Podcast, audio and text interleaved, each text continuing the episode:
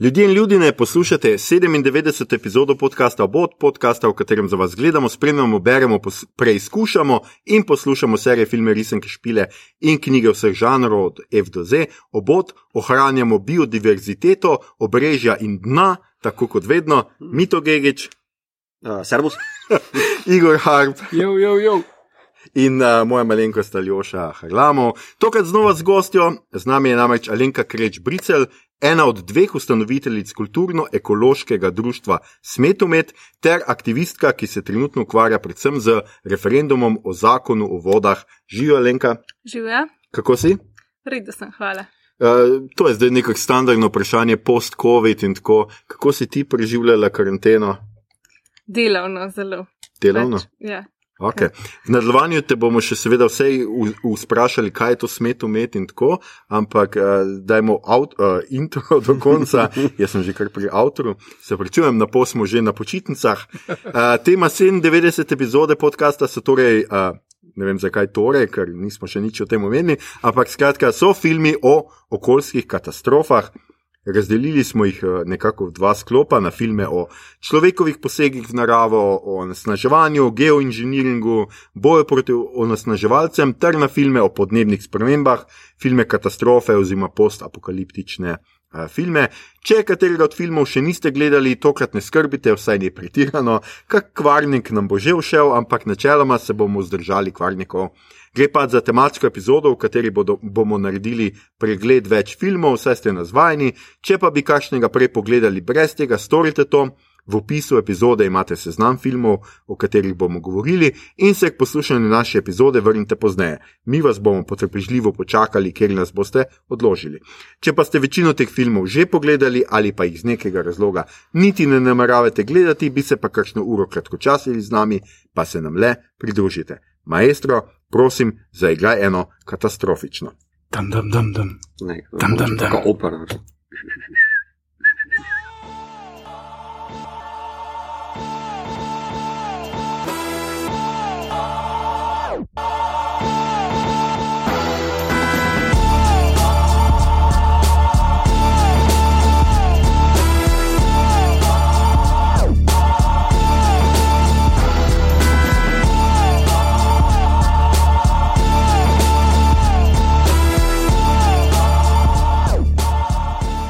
Živijo, mi smo torej nazaj. Uh, Alenka, najprej dajmo uh, vseeno povedati to, kaj je to uh, kulturno-ekološko društvo Smetomet.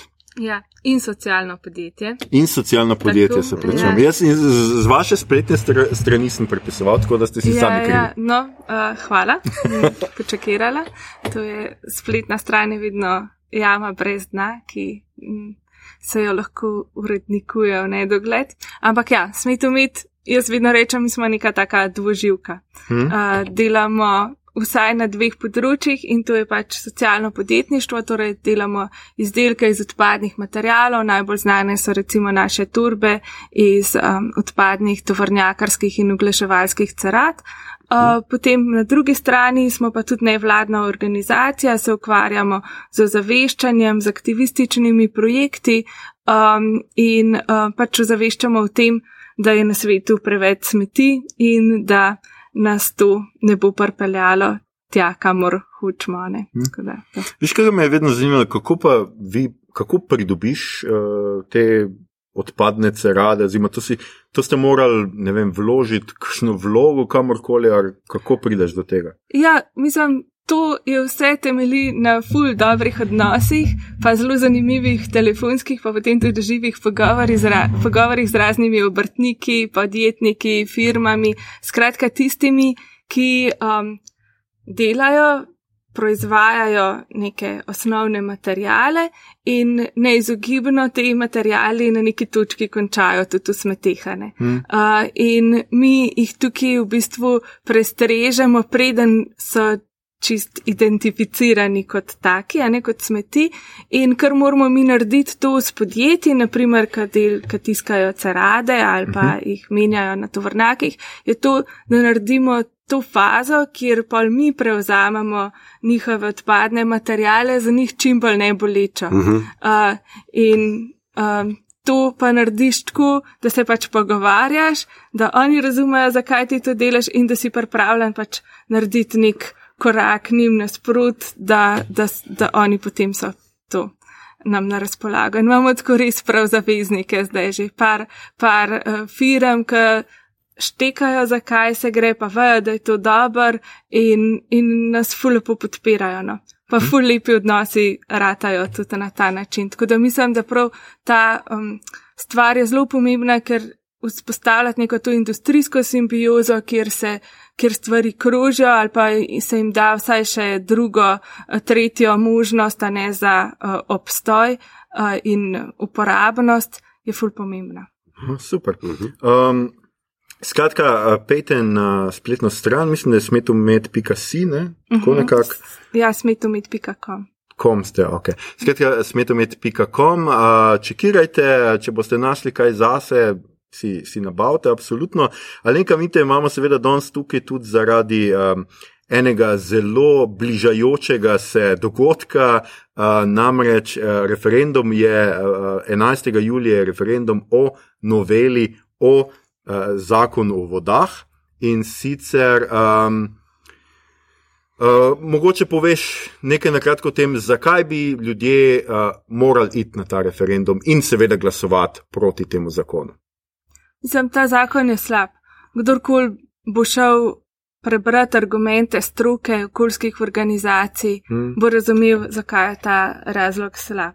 Um, zdaj se s, tem, no, s to novelo se uvajajo um, nove možnosti za gradnjo uh, na uh, priobalnih območjih rek, jezer, morja um, in um, kot naš minister proti okolju uh, rad reče, um, da ne, zdaj ne bo privatnih vil, bodo pa privatni hoteli lahko, privatne trgovine, privatna trgori, t, parkirišča, uh, privatni kempi, uh, kjer bodo uh, prostori Uh, lahko zagrajeni in speljani prav do vode, celo na vodo, ne, Mhm.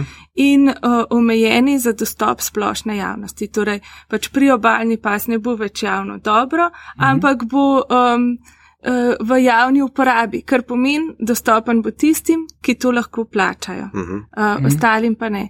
In dober zgled za to, kaj se zgodi, če se privatizira priobalna območja, je naprimer ja, Avstrija, Vrbsko jezero, Mhm. kjer s- je obala popolnoma zaprta za dostop javnosti, ni to recimo tako, kot pri nas na Bledu, kjer greš tik ob obali, lahko na, na sprehod, obhodiš celo jezero in te nič uh, ne ovira. Ne? Tukaj enostavno to ne bo več možno. Um, potem um, omejevanje rek in gradna ob rekah vpliva pa tudi direktno na uh, podzemno vodo in na um, podtalnico, uh, ker reke napajajo podtalnico. ne. Mm. Uh, pač po re, uh, reka in območje okrog reke je en tak velik filter, ki to vodo, ki teče uh, tudi v podzemnem toku reke, a ne, prečiščuje in potem napaja. Zdaj, bolj kot se to pozida, bolj kot se to omejuje, uh, manjša je ta izmenjava uh, vode v te velike um, vodo, vodne, vodna zajetja, ne, ki so namenjena pitni vodi. To je recimo za celo Ljubljano imamo eno veliko vodno zajetje kleče a ne, in, in eh, ga napaja Sava, recimo. a Ne.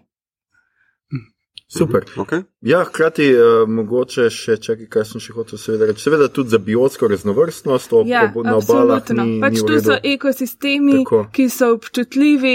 Um, in to je tako tenkočutno ravnovesje vseh naravnih elementov, ker pač itak že s poseganjem van um, ljudje preveč vplivamo, um, tako da karkoli več delamo, je samo. Samo škodujemo. No.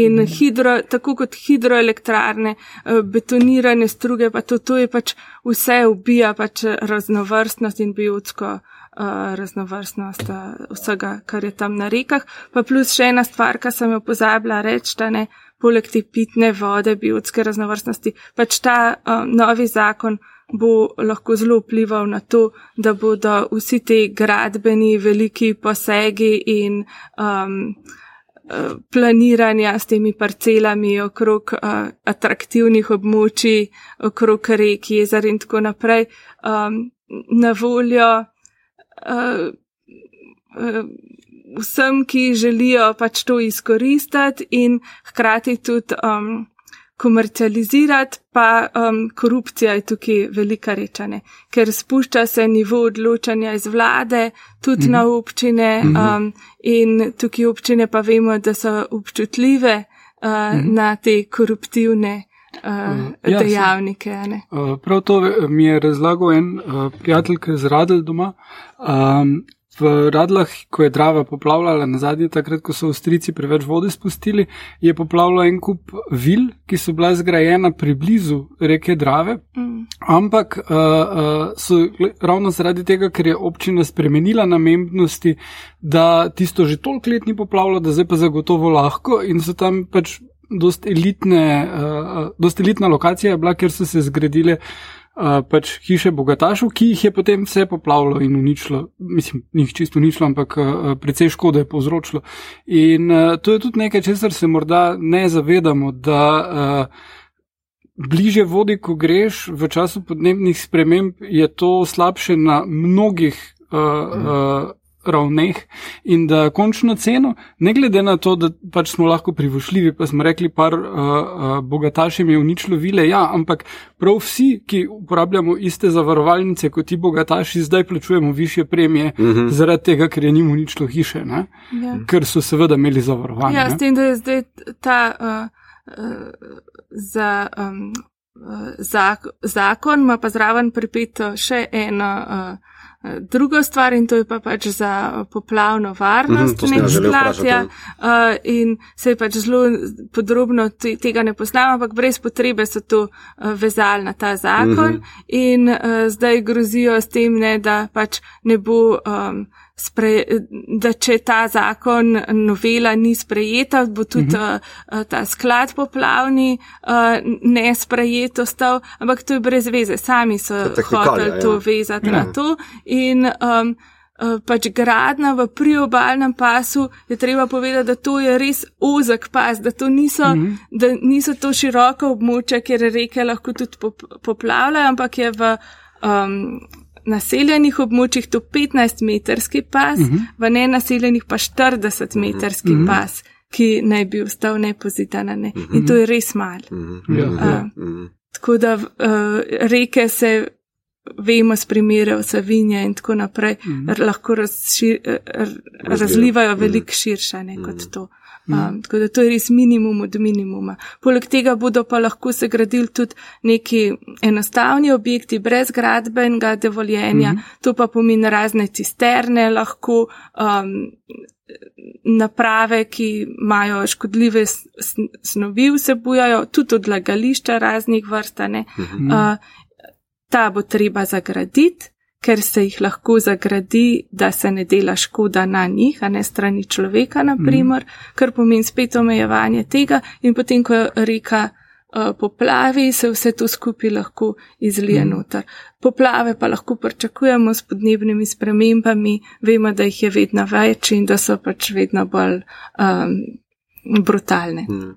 Kako pa komentiraš to, da v bistvu je ta zakon, kakršen koli že pač je, ne, in mm. mislim, da je slab, zaradi teh zadev, kot si jih ti zdaj omenil, uh, bil sprejet tako hitro, pa tako, s tako malo javne razprave. A to v bistvu je ravno ta koruptivni moment tukaj? Mislim pač, jasno je, da so to oni uvalili. Notor, pač ko ni mhm. -huh. druge besede, ker če bi imela stroka kaj besede mhm. -huh. in če bi imela okoljske organizacije, civilna družba kaj besede pri tem, bi se ta stvar močno, močno premislila, ker se gre za neki, kar bo temeljito vplivalo na pač prihodnost nas vseh uh mhm. -huh. in, in na to, kako ravnamo na splošno z naravnimi viri, ne samo z vodo, za mhm. katero bi pa rekla, da je pač ena od najbolj dragocenih naravnih virov, um, ki jih v Sloveniji imamo. Mhm. In, in z prihajajočimi uh, pre, podnebnimi spremembami, s pomankanjem vode, s katerim se pač že soočamo, zaradi tega bo, bo to stvar, ki bo um, zelo aktualna za privatizacijo, za nakup um, uh, vrtin, dostopa in tako naprej. Mhm. Skratka, 11. julija je referendum. Če boste slučajno takrat na počitnicah na dopustu, kjerkoli pač druge izven Slovenije, se lahko še vedno, mislim, da še vedno ja, prijavite za glasovanje iz tujine.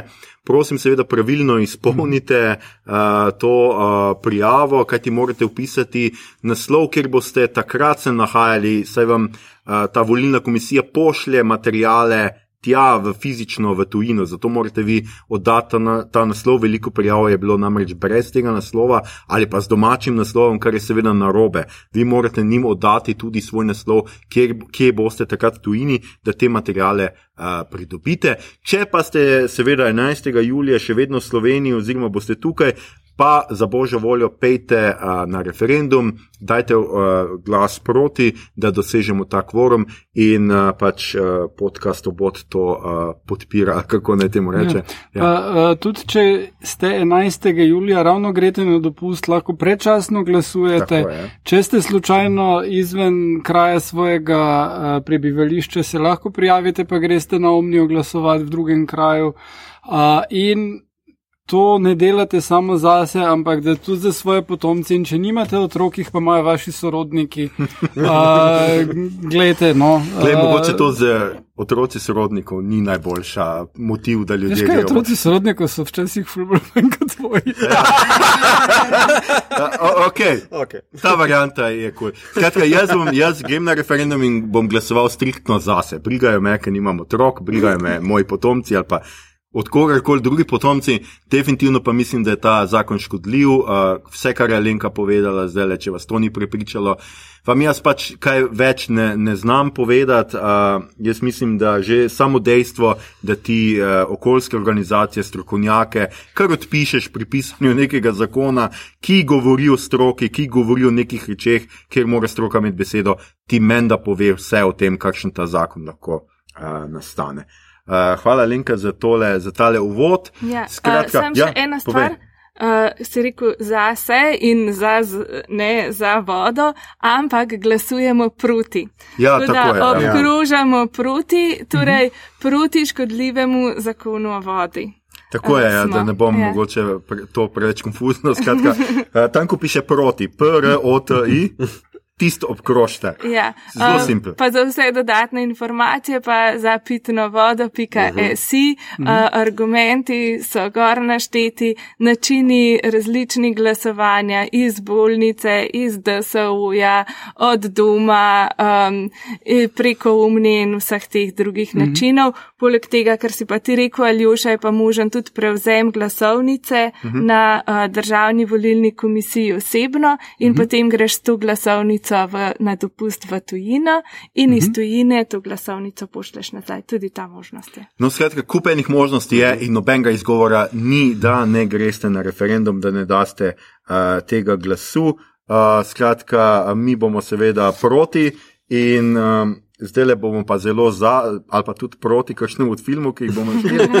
Skratka, zdaj bomo pa v naslednjem nadaljevanju skušali predstaviti konkretno filmske upodobitve, ki nas svarijo tudi proti takim zakonom, kot je tale, eh, predvsem pred človekovimi posegi v naravo, predvsem eh, nas svarijo tudi, seveda, o podnebnih spremembah, ki se zelo hitro bližajo, zelo pospe, pospešeno. Vse so tle, kam on ta vročinski? Hočem reči, ja, so, so tle, valjda. Ja. In. Skratka, uh, jaz nisem čist dobro zamislil, kako se bomo tega lotili. Po mojem, najboljše. Skratka, uh, razložili smo tako, ne razdelili smo na dva sklopa te filme. V prvem so skratka filmi o človekovih posegih v naravo, onesnaževanju, geoinženiringu in boju proti onesnaževalcem. In mislim, da je najboljše, da začnemo tako, da Mito, ki je ravno pogledal, kaj si ti pogledal, Mito? Uh, death, uh, pardon, Devil has a name. Devil has a name. Mm -hmm. Ta je, mislim, da skratka boj proti onesnaževalcem. Ne? Yes. Nekaj takega. Prav uh, naftni industriji, če smo čisto natančni. No, super. Uh, Mi to, skratka, uh, podijom je tvoj. Hvala. A, pa plovilo je moje. ampak, Ja. mm. Joj, a ne moremo brez nekih come on. metafor, ki so tematsko vezane. Meni je to zabavno. Mi to prili svoje Ja, ja. informacije. Nalij nam čiste vode. Pristavi kozarček. Um, film je iz 2019, deloma osnovan na resnični zgodbi o borbi farmerja oziroma kmetovalca v Kaliforniji, mislim, da kmetuje z mandljevimi orehi, ali kako se temu reče. Kojijo Mandlje. mandlje. Ja, to, To je ena najbolj ekološko spornih zadev. tudi to, vem, poznam. Ja. In Um, 90% mandlov je predelanih v Kaliforniji. Mhm. Ja, v celem svetu. Uh, mislim, da požere, mislim, da koliko, Oh, wow, uh, če paradižnik, uh, rečemo, eno enoto požere, mandli Vode. požere vse 10 do 100 krat več. Ja, pa vode. ni samo to, za, za opraševanje mm. Mm. uh, mandlo rabiš čebele mm. in Mm. to je glavni, zato ker pač so sprostili z nafto, trg, trgovinskim sporazumom nafta, so uh, sprostili uvoz uh, medu iz Mehike, mm Mhm. -hmm. se ameriškim čebelarjem ne splača, splača pridelovati medu in je glavni biznis opraševanje v Kaliforniji mandljev. Ampak to poteka hkrati, ko je treba mandlje škropiti. Mhm. In pač dejansko oni ubijajo čebele masovno vsako leto tam, uh, zato da imamo mandle lahko. Mm. Mhm. Poleg tega imajo pa migrantske delavce s čupiči, ja. ki dejansko na roke to delajo. Ja, ja. Kaj vprašujejo še Ja. Ja. Na kitajskem je to drugače zelo velika praksa, ker so imeli en kup zblojenih uh, ekoloških idej včasih, kot to, da je treba lastovke pobiti, ker ti jejo s, s žito. Mm. Uh, no, ampak polk, ko se ti zruši ekosistem, ker nimaš ptic, nimaš žuželk, nimaš opraševalcev in potem pač moraš ščopiče to početi. Sijajno, sijajno. Ja, Mi- eh, čudovito. Skratka, mi to. A, v bistvu tu ja. ni zdaj tema uh, oporečnost uh, mandlov, oziroma pač ta res kontroverzna zadeva. Temveč onesnaževanje multikorporacije uh, in potem, kako se proba preko sodnih poti in uh, nasilja in tako naprej, uh, pač uh, oprati ime in izvizen ven iz uh, primeža prava. Um, gre se pa za to, da v bistvu tam uh, sosedno parcelo od tega kmetovalca je uh, kupila uh, firma z imenom S- Shore Oil, mislim, da je izmišljeno, uh, nisem ziger, um, ki odlaga v bazene, izkopane uh, bazene odvečno vodo, ki je stranski produkt prid, uh, pridobivanja nafte. Mhm. Ta voda je radioaktivna in Mhm. mm -hmm. počasi pronica v potalnico, mm Mhm. -hmm. in to ta kmet uh, skuži, ki so uh, korenine bolne. Uh, Je malo over the top ilustrirano, uh, ampak pol se film razvije v uh, eno sodno uh, proceduralko, uh, borba malega človeka proti multikorporaciji, pokončnih advokatov napram slabih advokatov in potem na koncu celo zgodba skesanca iz firme, ki zatoži vse ostale in mm. potem so vsi happy z milijončki, ki grejo naokrog, kljub temu, da je pridelek, pa zemlja, pa malo morje folka, v bistvu okuženih z rakom in tako naprej. Um, film je bom kar odkrito povedal, povprečno ali pa celo podpovprečno slab, uh, v tem smislu, kako je karikiral, pa stereotipiziral določene zadeve. Mhm. Um, kljub izvrstni zasedbi, ki jo bom uh, polinkal, no, kar vseh imen ne bom, uh, ali Molina je noter, pa tale naš uh, ljubi igralec iz Expensa, uh, ki špila Ashforda, no, uh, je, Aha, ja. uh, no, kaj je že. Pozabil sem, kaj No, to je vse vemo, ja. ja. on, ne. Ja. Good night and good luck. Thanks.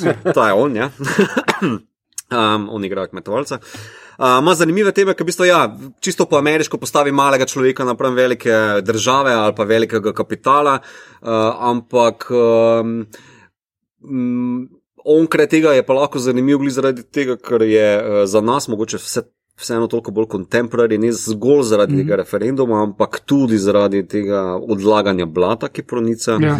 v potalnico, predvsem je to zelo štajerska tema, koliko sem zdaj opazil. Ne, uh, ne se vem. Po celem je, ampak ja. Na Štajerskem se je zdaj najbolj opazilo.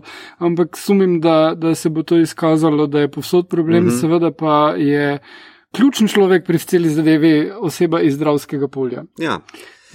Ja. Um, mislim, je polo je meni zanimivo. Jaz sem odraščal na zdravskem polu, Ja, pa tudi. um, marsikdo iz moje familije ima v bistvu potalnico direktno na pipo. Preko mm -hmm. filtrov speljano in uh, tudi Arso kaže v meritvah slabe rezultate, uh, merjen. Uh, za različne zadeve v tej vodi, ne, in me skrbi, v bistvu za nasplošno za folk, ne zgolj za mojo družino. In en takšen film, kljub temu, da je mogoče površen ali pa slab ali pa malo klišejski, te malo zbudi, Jaz mm -hmm. mislim, da ja, in da se ga zato splača pogledati. Contemporary je, mislim, je iz, mm -hmm. mislim da je v Kina prišel 2020, ča, oziroma je šel mogoče kar direkt, ja. kolikor pač je bil. Mm -hmm. um, in kljub pač ja, temu neki logiki multikorporacije, to ni tako daleč od nas. Mm. V bistvu um, upravljanje z vodo je nekaj, kar si mogoče slovenski direktno spipe, pijemo vodo, se nam zdi to nekaj oddaljenega, ampak slejko prej ne bo več temu tako uh, primera. No, mislim, jaz nikoli ne pozabil, ker sem bil v Tokiu, kako je tista turistična vodička bila ponosna na to, da je rekla, voda je pitna iz pipe. Mm. Prav ono, wow, ne, ker ni največ edino mesto, uh, mislim, so mesta na japonskem, pa tudi mm -hmm. včasih Tokio je bil problematičen, se ogromen, mm -hmm. uh, ampak prav lahko pijete, tako prav, jaz. Yes. Ja, se to je zelo pogosto, če gledaš te turiste pa turistično nos do Slovenije, pač uh, zelo pogosto to izpostavljajo, da pri nas je pač posod voda iz pipe pitna, mm -hmm. da ni tako, ker. Uh, Mi, ne vem, če mi se zavedamo, da to pač v mnogih delih razvitega sveta voda iz uh, pipe ni pitna. Ne, ne. Ja, to... ne samo, da je pitna, ne, ampak je tudi z minimalno dodatki. Tako, Nimaš uh, okusa mm -hmm. po kloru. Uh, mm -hmm, tako v Ameriki je močno klori, ja, klorirana. Ne, ja. Odvisno od uh, lokacije, sem Amerika Aha. ogromna. Ne, ampak mm -hmm. recimo dost, uh, blizu slovencem so grški otoki. Mm -hmm. Grški otoki nimajo vsi uh, vredu dostopa do vode, ker so pač otoki. In ponekod voda sploh ni pitna in tudi kuhati ne moreš z njo. Ne? Mislim, kako jo lahko prekuhaš, ampak če ti probaš špagete skuhati v vodi na krfu, mislim, boš dobil nekaj, kar je pašti podobno, ampak mm. dobro pa ne bo. Ne? Pa s čisto tudi tiste posode več ja. ne boš.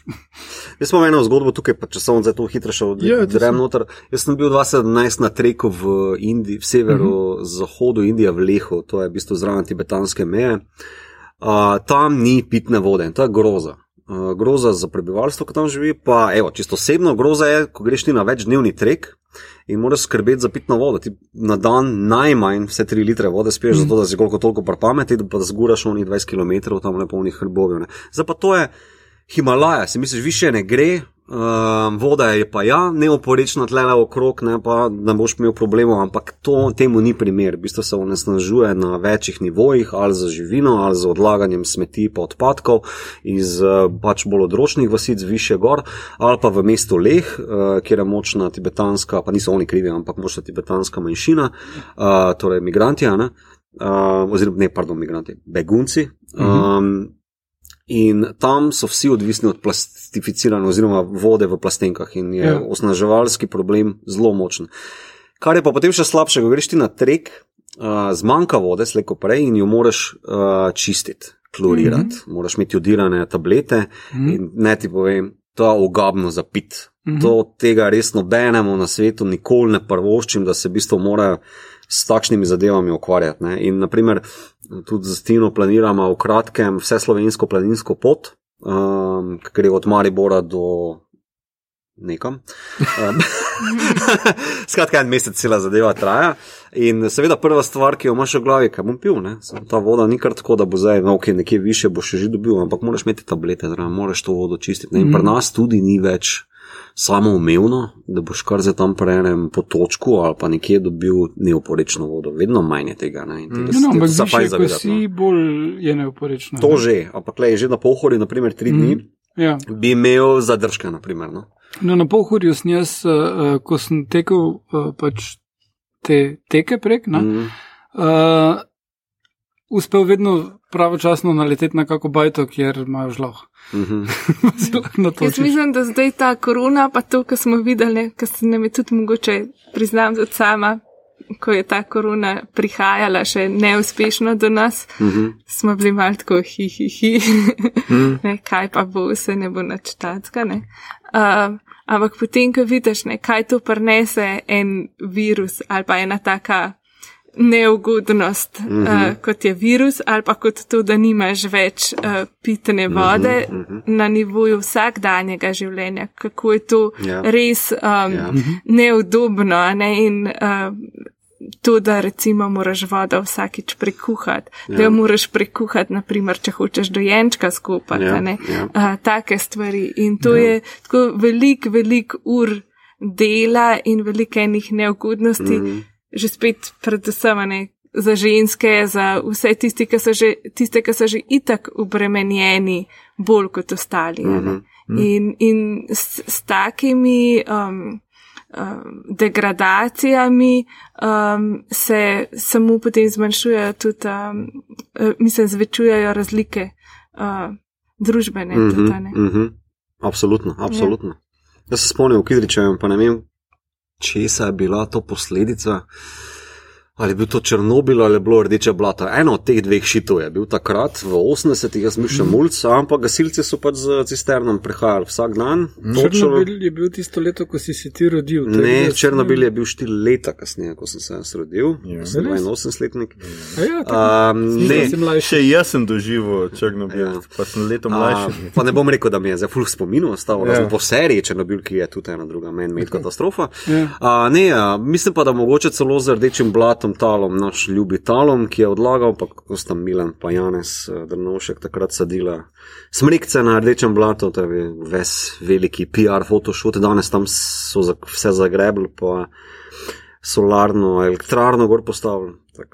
Ampak se pač se imamo pa Anhovo, nekaj mm -hmm. pa mhm. še vedno mm -hmm. aktualno, mm -hmm. to, da v bistvu oni vodo, ki sploh ni pitna, črpajo ja. v vodovod, s tem, da pač ta okolje je že popolnoma mm. uničeno in to je pač res najlepša mm. reka v Sloveniji, mm. ki jo imamo pač sočeno, mm. saj so tudi druge lepe, da ne bo ljubesume. Sora, ubarale smo. Ja. uh, ampak ja, ne pač tu ljudje, Anhovo, in tarife, ki so postavljene za mm. ljudi, ki dobijo raka, ne, mm. za nadomestilo in potem, da se oni v bistvu še um, uh, predstavljajo kot nekdo, ki je um, družbeno koristen yeah. Ja. uh, in mm. ki pač skrbi za yeah. Ja. ljudi, ne, uh, to je tak ma. Res mafijski princip, pred čim vas bomo zavarovali. To je, Če se vrnem nazaj na filme, ne, ja. veš, pač sem imel stran pot, ampak film je torej The Devil Has a Name, ampak pol pa v bistvu skozi to sodno proceduralko ta odvetnik, ki zastopa kmeta, pove, kaj je net zero sum. Ne. Net zero sum je nek termin, ki je v 70-ih, če se ne motim, nastal zaradi tega, ker je on tožil Ford Eh, avtomobilsko firmo, ne, mm -hmm. zaradi avta Pinto, ne, vse neki true story, kjer so zračunali net zero sam, da bistvo bi morali oni za 11 dolarjev. Ja. na domestek na, uh, odpoklicati, uh, 11 na domestek, ki bi stal 11 dolarjev, ne, torej po pravilu tega Pinta. Da bi njih stalo to 137 milijonov ja, evrov, oh, pardon, dolarjev. Ne? To je v Fight ja, Clubu ja. razloženo. Uh, no, in uh, so pa zračunali, da v bistvu jih pa 50 milijonov stane, če pač se pretvarjajo, da nič ni narobe, pa mečejo gnar v PR, pa v odvetnike in ja, tako naprej. Tistimi, in to problem. je to ime in to je The Devil mm. Has a Name, ki se imenuje Net Zero Sum. Mm. In je v bistvu ista taka fora kot uh, najbrž to, ali pa kot se gre mogoče mm. marsikera druga multikorporacija, ki pr seveda profit-based gleda, kaj se nam pa bolj splača. Ja, Dejansko ja, ja. nekaj sanirati, popraviti, ali pa se pretvarja, da je vse Ampak, ok. Ja, tukaj ni problem korporacije, tukaj je problem sistema, zato ker če bi korporacija se odločila za dražjo varianto, mm -hmm. ki je boljša za okolje mm -hmm. in mhm. vse, jih delničari lahko tožijo, ker so izbrali dražjo varianto mm -hmm. po mhm. nepotrebnem. Mm -hmm. In tukaj je dejanski problem, zato ker noben direktor ni zloben pa rekel, zdaj pa jaz dobo večji bonus, če, ja. če to prešparam, dobro, je lahko tudi to motiv. Mm -hmm. Ampak. Mm -hmm. Pravzaprav je pa motiv, jaz bom izgubil službo, uh mhm. -huh. tožili me bojo, kazensko bom odgovoren zaradi tega, ker sem pomagal ljudem, namesto da bi uh -huh. uh, uh, uh, pač prišparal denar za, za dobiček. Uh -huh. In, in tukaj je, je ena ta stvar, ki recimo, ko, ko smo delali, to smo se spomnili, sem se spomnil na risanko iz 90-ih Captain Planet and the Aha, ja. Planeteers. Ja. Uh -huh, Meni je bila to noro zabavna zadeva, ampak tam so vsi zlobni že bili, jaz bom pa te odpadke metal to, ker to je moj cilj, da tukaj odpadke mečem. Ne, ne jaz bom prišparal denar v filtrirani uh, enoti ali karkoli, ampak uh, ne, meni je cilj onesnaževati okolje in potem bomo vsi imeli umazano. Tak, ne, Ja, ja. Ka- Vse ni to cilj, ne. cilj je Sej. to, uh, jaz bom dobil denar za to in si bom zaprl oči pred tem, da vsi, v, To, ja. vsi v tručički in vidrice in ribice tam mal bolehno okrog mm -hmm. ja, ja. se vla, vlečajo. Vse to je to, kar si ti izpostavil. ne, ker Pač, uh, vojna zvest je čist. Pravlično, otroško, ravno mm. zaradi tega, ker imaš ti ljudi, ki se imenujejo The Dark Side in hočejo biti to. Ne? Ja. V resničnem življenju ti nimaš ljudi, ki hočejo biti zlobni. Mm. Vsakdo, ki je zloben, je pri, ki dela nekaj slabega, je pripričan dejansko zase, si nekako upraviči, da dela nekaj dobrega. Ne? In Tako pri- loki, naprimer. Ja. Ja.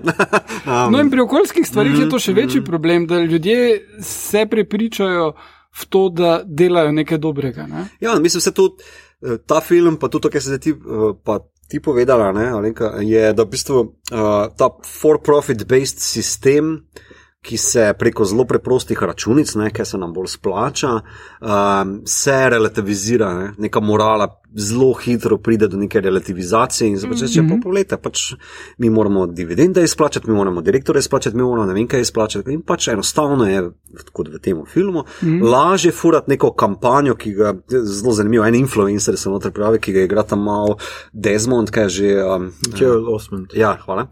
Um, Agroinfluencer, ki potem na, na, ja, ja, zabavno, na jutranjih šovih, kao ta firma, ki se preimenuje iz uh, Shore Oil v Shore Energy, ker je bolj eko. Ja. Ja, ker ni oil. Ja, Ja. in potem velike čeke na televiziji deva doktorjem, pa lokalni skupnosti in se kaže Ja. kot najboljša firma ever. Samo zato, da se je potem na sodišču lahko uh, nastopa kot, ja pa mi ja pa vemo, a ne. Kako pomembna je zdravje naše lokalne skupnosti. Se to je, nam mora biti res, se nas poznate, mi smo vi. Ja, Ja, ja, vse to je pač eh, taka eh, dobro uveljavljena strategija, mm. -hmm. korporativna, mm -hmm. kjer se grejo tako imenovane end-of-line solutions. Mm -hmm. uh, samo pač na koncu teh, te verige slabih uh, odločitev, dejanj in pač vsega. Uh, Oni posredujajo ne, in potem financirajo, naprimer, uh, organizacijo, ki jo tudi po možnosti sami ustanovijo, mm -hmm. in potem oni eh, recimo čistijo obrežje, eh, pobirajo smeti, ne, in mm -hmm. potem se pokažejo, slikajo, gledajte, koliko mm -hmm. vreč smeti smo pobrali, ne, na mest, naprimer, Coca-Cola, mm -hmm. Nestle, Ja. Pepsi, kot te, ki so največji onesnaževalci, a ne, na mest, da bi rekli, zares bomo zmanjšali proizvodno plastike in izdelkov, ki so jih prodajamo v plastiki, oni delajo um, to, da se ne držijo niti lastnih zavez. a ne. Oni kar naprej sprejemajo zaveze. Uh, Ki jih potem ne uresničijo, in potem sprejmajo nove, mm -hmm. in se jim spet izneverijo sami sebi. Ampak to ni pomembno, zaradi tega, ker pomemben je ta vtis, mm -hmm. da se nekaj dela, da so oni pač pripravljeni se spremeniti, čeprav vajo, da se spreminja vse samo vedno na slabše. Mm -hmm. In tukaj je tudi, ne vem, petrokemična industrija Mhm.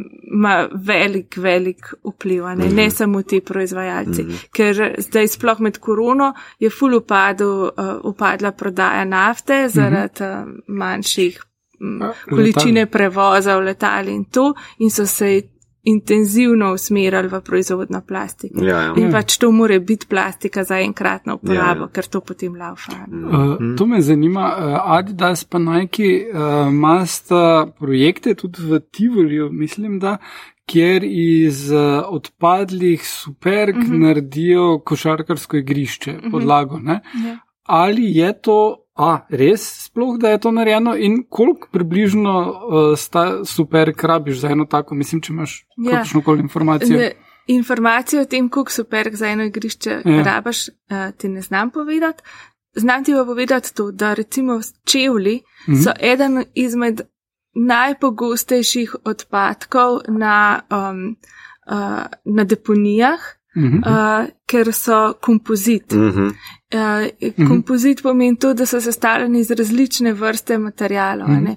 Imáš in plastiko, in gumo, in usnje, in um, bombaž, in kovino, vse skupaj zlepljen, zašit, se ne da pač razstaviti narazen. Mm -hmm. uh, in, in to je najslabša vrsta odpadek. Mm -hmm. Ker kar z njim lahko narediš, je to, da ga zažgeš. Zakupljaš ali pa vržeš v morje. Mhm. Mhm. Um, Kaj pa košarkarsko Eh, igrišče? Košarkarsko igrišče je pa pač. Mislim, to- je to bolj ali manj PR To, zadeva, ni, kjer. mislim, to je super stvar, ampak to ni rešitev. a ne. Mhm. Ja. Rešitev Ne, pa- mora biti pač sistemska. Ne, mislim, mi porabimo veliko več čevljev, kot kar rabimo košarka, košarkaških igrišč. a ne. Mhm. Uh, tako da jaz mislim, to je dizajnerski problem. Ja, se smet. tudi uh, fast ne? food, uh, ne fast food, fast fashion Fast problem. fashion. Ja. Ja, to je problem slabega dizajna. Ko bomo mi znali oblikovati čevlje, ki se jih bo, bodo narejeni na ta način, da se bo materijale dal ponovno uporabiti ali pa da bodo manj škodljivi za okolje, pa to, potem bomo stvar res rešili. Ampak še prej uh, je pa tudi ta korak omislene, da se sistemsko to um, Mhm. eh, zakolič, uh, da se zakonsko uh, prepove določene stvari, ker mi ne moramo biti strokovnjaki vsem. Ne moreš brati na čevlju, iz česa vsega je narejen, pa kako bo razpadal. Ne, ne moreš brati na mm, dozi mila, kaj so za ene snovi noter, a so noter uni plastični mikrodelci, a veš to za piling. Ja, ja. Uh, Kaj pač tako mikroplastiko dobesedno ti jo prodajo. a ne. Mm. Ja, a, ja. Ali pa in- glitter. Ja, in za, ja, zakaj, zakaj moramo mi brati to gor, če Mhm. bi se dali enostavno samo prepovedati? Jaz mislim, da lahko ja. vsi iz, brez piling plastičnih del, delčkov žajfi živimo. Komod. Ali pa, ali pa, Ne pogrešam. Priznaj, da malo. malo. pa, pa otrokom razložite, da glitter ubija delfine, namesto da jim ga kupite. Ja, le, se čez par let boš še tudi imel to rešeno, kaj je delfin. Uh, no, drugače kot uh, to, kar si glede čevljev rekla, kot uh, tekač, lahko rečem pa to, da če se ukvarjate s tekom ali pa katerim koli takim športom, ne kupujte čevljev, katerih osnovna cena pred kakršnim koli znižanjem je pod 100 evrov. Razumem, da je to lahko full visok strošek za koga, ampak copati, ki stanejo 50 evrov osnovna cena, vam bojo še isto leto razpadli in boste morali še ene kupiti raje pač privrčujte malo ali pa kakorkoli, pa, kup, pa počakajte na razprodajo ali pa res karkoli. Osnovna cena tekaških oziroma športnih copatov, če je nad 100 evrov, bojo dlje zdržali. Da, res. Ja. S prve roke. Eh, noge. Ja. No, definitivno pa se mi zdi uh, uh, to, kar je Lenka mogoče odprla, pa kar si mi to tistem s tem filmom, v katerem igra David Strathairn. Thanks, thanks. Uh, sem vmes uh, hvala. pogooglal. Uh, hočem pač reči, da je zanimivo. Uh, je ena linija teh filmov, mogoče tle že lahko detektiramo cel žanr. Sodna, uh -huh. sodna drame so zelo pogoste za te okoljevarstvene uh -huh. probleme, od Erin Brokovič, takega Ja. ja. pač velikega uh, uh, Ta primera. Oskarjevsko zelo. Ja, Ja. tako. težek. Pol je tam Michael Clayton, Clayton. mislim, da je podobno. Michael ne. Clayton je, je dejansko bistveno boljši film, mm. zato ker uh, je glavni junak, je, on je fikser, uh, odvetnik, ki ni na sodišču, ampak bo dovolj obvlada zakon, da ve, kaj je berli zakonito, da bo skozi spravo karkoli je treba. Ne? In ko on ugotovi, da je tisti njegov naročnik njegove firme um, dejansko uh, nek agri podjetje, ki ustvarja, uh, ki dela te gnojila, ki so full toxic. Um, on namerava kot fikser to zrihtati, ampak uh, naročnik ugotovi, da on to ve in se ga odloči beg spraviti. Uh, Pričemer imaš to skrajno moralno sivino, ful je vizualno tudi v redu ta, ta prikazana, pač dejansko siva barva uporabljena. Uh, in v Claytonu, ki se zaveda, da je problem, da je del problema in ne rešitve, ampak ga ne uspe uh, uh, rešiti, dokler pač ta neizkušena nova šefica, ki igra Tilda Swinton, ne sprejme odločitve, da je treba njega ubiti. In na kak način ona to, ker pač ve, da je out of her league in mora tam nekomu naročiti nekaj zelo uh, obskurnega reči, da bojo oni vedeli, da bi ga morali beg spraviti. In v glavnem cela ta uh, sivina, ta celega procesa, pa psihološke probleme, ki jih imajo ti ljudje s temi odločitvami, je čudovito prikazana, da pač z, znotraj ene zlobne korporacije, kar dejansko je, so ljudje, ki se odločijo za to, da bodo Mhm. sprejeli slabo odločitev. ne. Mhm, mhm. In tudi, kaj je treba do tega, da pri, pride nekdo, da sprejme dobro odločitev, in to je, da ga probejo ubiti. Tako da vsi ljudje na ministrstvih, ki so podprli ta zakon, mogoče se jih da spreobrniti. Ja, se. mogoče v teh filmih, eh, zdaj man-made um, katastrofah, ne, um, po večini opažam, da v bistvu res mogoče to, ena, mestoma mogoče pretirano, to zlobno karikirano, kao res ta Mhm. gledališki, tako si se ti prej pošalil. ne. Ja, to varianta, ne, ker zadeve so res mogoče bolj komplicirane. Ne. Kljub temu, da ne vem, zdaj tukaj, kaj imamo mi napisano, rečemo, predvsem princesa Mononoke ali pa Našika, naprimer. Um, sta malo bolj drugače zasnovane, ne? ampak Ja, ja, to je fantasy, kjer pač. Uh, ampak je, je podobno kot pri Avatarju, ki tudi Ferngul je noter, ker Avatar je dost kopija Ferngulja. Mhm. Uh, Imaš ti idejo, um, pa tudi Dances with Wolves, imaš ti idejo teh, ki povzročajo okoljsko Mhm. katastrofo, da se tega ne zavedajo. Oni so mnenja, da je njihova pravica vzeti te Aha. stvari iz zemlje izčrpavati. izčrpavati, in uh, uh, ne vidijo problema lokalcev, ki pa jim ga znajo samo z vojno prikazati. Mm Ja, kot to se mi zdi dve glavni razlike med onim drugim sklopom, ki ga bomo polomenili, ne, torej mm. nekaj, kar pride, kar je eksterni pritisk, nekaj, kar mm. Mm. Rečemo gaja, narava, whatever mm. Boš temu rekel, ne, že pa se sama odloči pa naredi nekaj, ali pa da pač imaš te karikirane, na pol zlobne že, ki pač vejo ali pa ne vejo, kaj mm. Mhm. počno in drugi, ki se šele kasneje zavedo, uh, kako ukrepati ali pa bežijo pač potem. Ja, jaz mislim, da tu pač se zelo pogosto pač izogibamo, uh, izogibamo, v filmih izogibajo pač realnosti temu, da je seveda problem kapitalizma Mhm. tukaj. ne. Mhm. Lažje je tebe reči, šef neke korporacije je zlobna baraba, Mhm. kot pa ti pač reči, ne pač izkorišča prvič vse, kar mu je kapitalizem dal, vse možnosti, Mhm. drugič pa pač, kot je Igor rekel, pač skrbi za dobiček, ne sam svoj. V končni fazi, seveda, tudi svoj, ampak Ja. ja, ja dobiček delničarjev, dobiček uh, vseh, ki delajo v tem podjetju, in je to pač Mm. tisti, tisti uh, krovni problem. Zdi ne. se mi, da ponavadi je to tako zelo. Rečem, zelo direktno na nos ilustrirano, kot rečemo v avatarju, unobtainium, razumeš? Tak, Cameron, seveda, kao subtilnost yeah. nima veze. Yeah. Uh, ali pa, naprimer, princesa Mononoke, kljub temu, da je fantasy, ampak ta Lady Aboshi, naprimer, je mm. dosti bolj prefinjen lik v tem smislu, kako ona izčrpuje, pa izkorišča, pa kuri ono zemljo, pa te polbužanstva potiska v gost nazaj, ampak hkrati ima pa one um, gubavce tam le od zata, ne, ki, za katere skrbi, se ponaša kot pogledajte, mi imamo uh, žensko kooperativo tlele, ki dela pa uh, orožje, ne, pa ima mm. na meho skače gor za plamen, da mi to uh, rudnino spravljamo v železo, not, pa skrbimo za bolne. Ne, a veš, je tak, yeah. v bistvu Miyazaki v tej fantasy dosti večjo kompleksnost znotraj v uri, pa pol večjo. stisne kot pa Avatar. Evo. Ja, ja nekaj pri avatarju imaš uh, revizije, ki to rabimo. ja, ja. To je to. Unobtainium, that's it.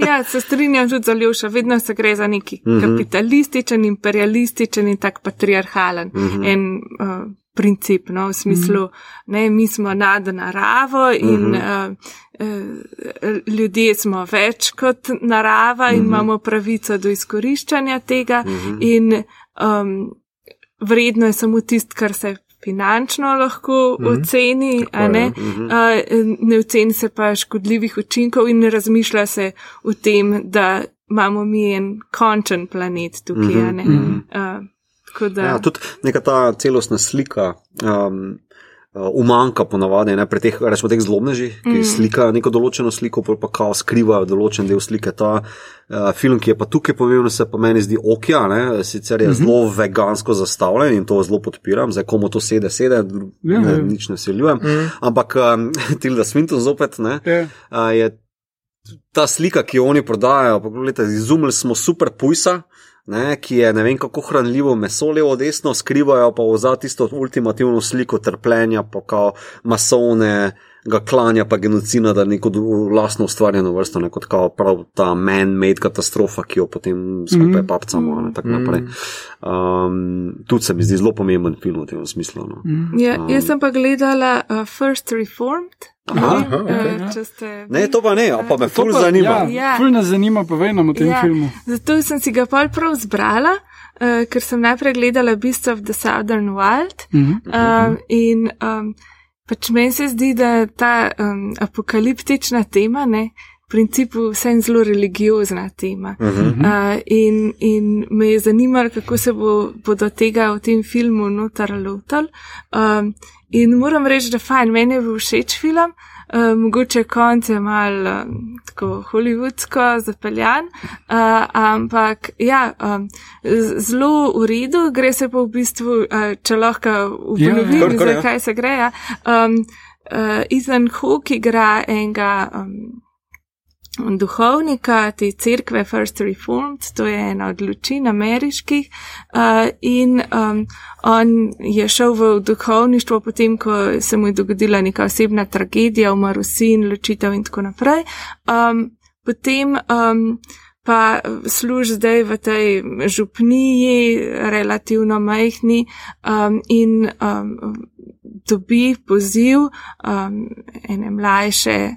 Um, faranke, um, da um, se pogovori z njenim um, možem, um, ker uh, je ona noseča, mož pa je okoljski aktivist in uh, želi, da ona naredi splav, zato ker ne verjame, da je -hmm. prihodnost. Um, uh, prinaša kaj dobrega Aha, za otroke. Ja, ja, mhm. ja, ja. In potem on um, v bistvu dejansko se dobi s tem um, možem, uh, gre sta uh, čez te. Um, Teme in nekako se združ, združta njuna pogleda, njegov pogled na Boga in pač na stvarstvo, na eni strani in na drugi strani ta apokaliptičen uh, pogled uh, tega uh, mladega moškega, ki pričakuje otroka in ve, da uh, pač bo otrok odraščal v ekološko katastrofo mm -hmm. um, in je popolnoma resigniran od tega. Um, In brez volje do življenja. Pač ženi je eh, simbolično, a ne ime Meri. Aha, ja. ja. Itak. Eh, ja. Itak, ja. Uh, ampak ja, ful se mi je zdel zanimiv to, kako v bistvu so se zdaj te pozicije zamenjale, kjer ateisti uh, verjamejo v apokalipso, uh, uh, verni pa ne več tako močno. Uh, uh, in uh, se mi zdi, da je to ta čas poseben no, v, v tem smislu, da se to nam zdaj prvič uh, tako dogaja. Um, uh, to uh, potem na koncu pa se zgodi to, da v bistvu um, prevzame od tega. Mladega moškega, ki tragično vmes konča, uh, spoiler, uh, uh, prevzame to um, ideologijo, tudi deloma, ne, in um, uh, agitira proti uničevanju narave, uh, uh -huh. za ohranjanje stvarstva in verjame, da je to pač greh. Ne. Hkrati pa on tudi piše uh, vse čas dnevnik. Um, In um, nekako slišimo njegov ta notranji uh, monolog skozi cel film. Zelo tako meditativno, uh, zelo lepo posnet mm. in um, uh, ja, ful zanimiva tema. Um, Tako je. Mislim, da glede ta sklop, ja. mogoče ta veška personalizacija, v bistvu boja ali pa mm. trpljenja, naproti tega to ni tako pogosto, se mi zdi. No. Če mm. pogledam za te naslove, koliko sem tega pogledal, ker ja. dobro, zdaj najbolj se tu. Um, pokonektam z Miyazakijem, no, ampak veš, to so vse taki mladi aktivistični liki, ne, ki v bistvu kao zelo na vzven skačejo zaradi prejšnjih uh, akcij, medtem ko tukaj, pa to, kar si ti zdaj razložila, pa razumem, Ne. da pač ravno zaradi tega on postane aktiven, ne, da v bistvu. Ja, ja. um, In celo pride v eno tako situacijo, kjer potem um, eh, te predstav, višji, pre, hierarhično višji predstavniki te njihove uh Mhm. -huh. uh, cerkve, um, abandon church ali nekaj uh Mhm. -huh. tasga, eh, ne vem, ali to res obstaja ali je to tudi sam simbolično. Mhm. Uh, in, So dejansko lobistično povezani z eno večjo industrijo, tam, ki dela največjo okoljsko Mhm. mm -hmm. škodo v okolju, in, in se znajde pod pritiski, uh, da uh, ne, mm -hmm. naj molči o tej zadevi in da naj ne izpostavlja uh, uh, tega uh, aktivista um, in tako. No? Mhm, Pa, mhm. Mm. Uh, in to ga potem še bolj nekako trti v tej njegovi uh, veri, prepričanju, da, um, um, da to je greh proti stvarstvu. No, v tem Ja, ja, smislu. ja. Ja. Ne, sej, uh, uh, osebno mislim, da pač v ZDA so cerkve, pa pač tudi ne samo krščanske, tudi drugih religij, dost močne znotraj skupnosti in hkrati pa cerkve preko različnih zvodov, ki jih imajo tudi šol in to upravljajo z veliko denarja. Mm. In menim, da, da prav to je ena od možnosti, kako se lahko svet izogne okoljski katastrofi, če se ti verniki zavejo in zahtevajo od svojih cerkev, da ne vlagajo več v naftne družbe, v plastiko in tako dalje, in, uh, in orožje, ne na zadnje. Uh, In da je to eden od načinov, kako se lahko spremeni, ki je dostkrat uh, spregledan. Ne? Ker dostkrat rešitve, ki jih ponudijo, predlagajo te, to vrstni filme, pa tudi knjige, uh, je, so dost bolj nekaj, kaj naj država naredi. Mm. Ne? Ampak mislim, karkoli bi država naredila, ok, države lahko ogromno naredijo na področju davkov, pa to ne. Ampak, če države nekaj ne naredijo v dobri veri, bojo si še vedno našli načini, kako se jih zaobide, Itak. pač pri korporacijah. In uh, uh, mislim, da, da plus upor je lahko. Mm. Uh, čist prepoved pesticidov, recimo, določenih, je privedla do, do nekaterih najbolj hardcore republikancev, do vzpona nekaterih najbolj hardcore republikancev, ker so prišli na idejo, to pa je ja pomagalo na naši kmetiji. Ne? Bolj pa bom se zdaj boril za to, da te uh, Agent Orange in druge pesticide lahko spet uporabljamo. Ne? In, in je čist idiotski uh, pogled na to, ampak je reakcija, ki se vedno zgodi na neko akcijo, ki prihaja od zgoraj na vzdolj. In mislim, da, da pristop, da se vernike proba prepričati, da probajo svoje cerkve spodbuditi v to, da investirajo. Uh, uh, Da pač prek tega načina, da je to lahko bolj učinkovito. Ja, se Frančišek, mislim, da je definitivno naredil Mhm. mm -hmm. nekaj. Mm Mhm. -hmm. Zdaj pa če sama osebno nisem vernica sploh, ampak se mi ne zdi slabo in da to je, tudi tukaj smo govorili, ima tudi elemente patriotizma, Mhm, lahko ne mhm. uh, prej. Uh, ampak a se vam mogoče ne zdi, da ima tudi ta um, uh, ekološki aktivizem, pa ekološka ta ideologija tudi elemente religioznosti noter.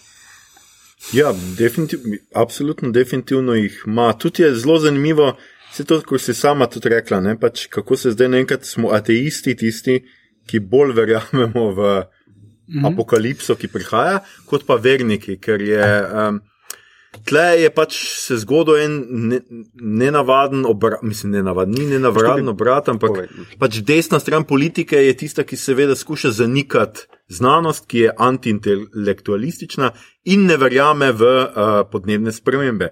Tukaj imamo pač velik problem, iz katerega pol izhaja, da pač desni pol skupaj z vers, verskimi organizacijami pač na to veliko uh, uh, ne da. Recimo, ne. Druga stvar je pri veganstvu, ker imam jaz tudi pogosto ta problem, da seveda se govori o nekih zelo verskih kategorijah. Uh, Ki se jih prenaša zdaj iz človeka na živali. To so tudi velike generalizacije, prijatelj. moj. Seveda so generalizacije, ampak za to gre. Pač v končni fazi je tu veliko enih problemov, ki pač niso tako. Uh, Mislim, da vse krilatice so mogoče pripravljene za to, da nekaj ne, lahko mogoče zdaj v podkastu hitro rečemo, ampak tako, ateizem je velika krovna beseda, ki v bistvu zgolj, res zgolj pomeni to, da pač ne verjameš v obstoj Boga, brez da mi perfuraš dokaze sem. Ne. Ko bo mi presurfa en iz zonostranstva nazaj, pa reko, čuj, je tam, uh, pet rok ima, pa moder je, a veš, kao, ajde. Uh, to je vse, kar je ateizem. Uh, v bistvu, to, kar si se metila našla, bi tako rekel, ateist mogoče prej ne verjame, ampak zaupa dokazom, znanstveni ja, razlagi, uh, kot pa vernik, je mogoče prej pripravljen zagrabiti za mogoče kakšno vrzel, v katerega inštalira kakšno bolj vprašajček ali pa nekaj takega, temu se reče God of the Gaps, naprimer, um, je prav takšen agnostičen uh, izraz mm. za tole. To mislim, da je tle posredi, mogoče bolj. Um, kar se pa tiče zdaj, veganstva, pa tako naprej, tudi tle imaš malo prej. Jaz sem vegetarijan, Tina je vegan, naprimer, pa oba dva smo ateista, uh, ne inštaliramo v najno dieto ali pa prehrano kakršne koli kozmične, karmične bulšite, hmm. uh, zgolj. Uh, To, kar se nam zdi prav, to je zelo mm. osebna resnica, da se tako izrazim. Kljub temu, da je tudi ta izraz zelo Bleh, ne, ja, no, ampak, ampak kaj torej živite v skladu z kaj, šesto zapovedjo, ne ubijaj. Se ne vem, če je šesta. Ja, meni, vse, meni recimo, Mislim, da ni šesta. Ja. Eh, ne bom rekel, da je to zdaj krščanska resnica, ampak da je univerzalna resnica. Ja. Ker uh, meni se zdi, da temelj morale, evo, to je zdaj res odvod tukaj, ja. temelj morale je, da jaz ne želim slabega drugemu. Kao, ja, da, ja. da je to evolucijski princip, ki je nastal iz tega, da pač živimo v skupnostih uh, in da so bolj uspevale tiste skupnosti, ki so lahko sodelovale, bile solidarne mm. in niso želele. Uh, prizadejati bolečine drugemu. Mm -hmm. uh, to je temelj, za me je to evolucijski temelj morale, ki se zasleduje onkraj religioznih bulšitev ali pa mm -hmm. agnosticizmov ali kakorkoli. Uh, in veganstvo, slash vegetarijanstvo, kljub temu, da pač bla, bla, uh, ima tu dober podstat brez odvečne let's hug trees pa narava zdravi bulšit na vlake. Mm -hmm. Ker, uh, tukaj imaš potem cel spekter ljudi, ki imajo, tako kot se je zdaj pokazalo v tej COVID-19 uh, epopeji, da se tako izrazim, uh, kaj, kam te odvodi ali pa sevi pripeljajo. Drugič, sem hotel reči, uh, Igor, bi se zelo, zelo blizu, tako res zmotil si se za eno cifro, ne ubija je peta zapored. Zanimivo, zanimivo, da si rekel šesta, ki je ne nečistuje. um, tako da, gledaj, lepo. Vi ste veš, kaj je še ne. Ja. Zdi se mi tu, da um, če si uh, vernik, veliko lažje določene skrbi outsourcaš. Ja, vsekakor. Uh, ja. Ja. Skrbi, ki jih outsourcaš. Ja, ja. ja. In um, ne, mi pa smo zdaj nekako tukaj ta svet. Trenutno z velikimi skrbmi uh, prepreden mm -hmm. in uh, ne vemo, kako to outsourcati, pa nimamo komunitijev, ki bi nam pomagali pri tem, da to mm. učinkovito počnemo. Tako se mi zdi, da tudi uh, aktivistično delo je delo pač točno na tem, mm -hmm. ne sam, da skrbimo za ta. Um, Kako bi rekla, kor mm -hmm, problem, ampak da skrbimo drug za drugega.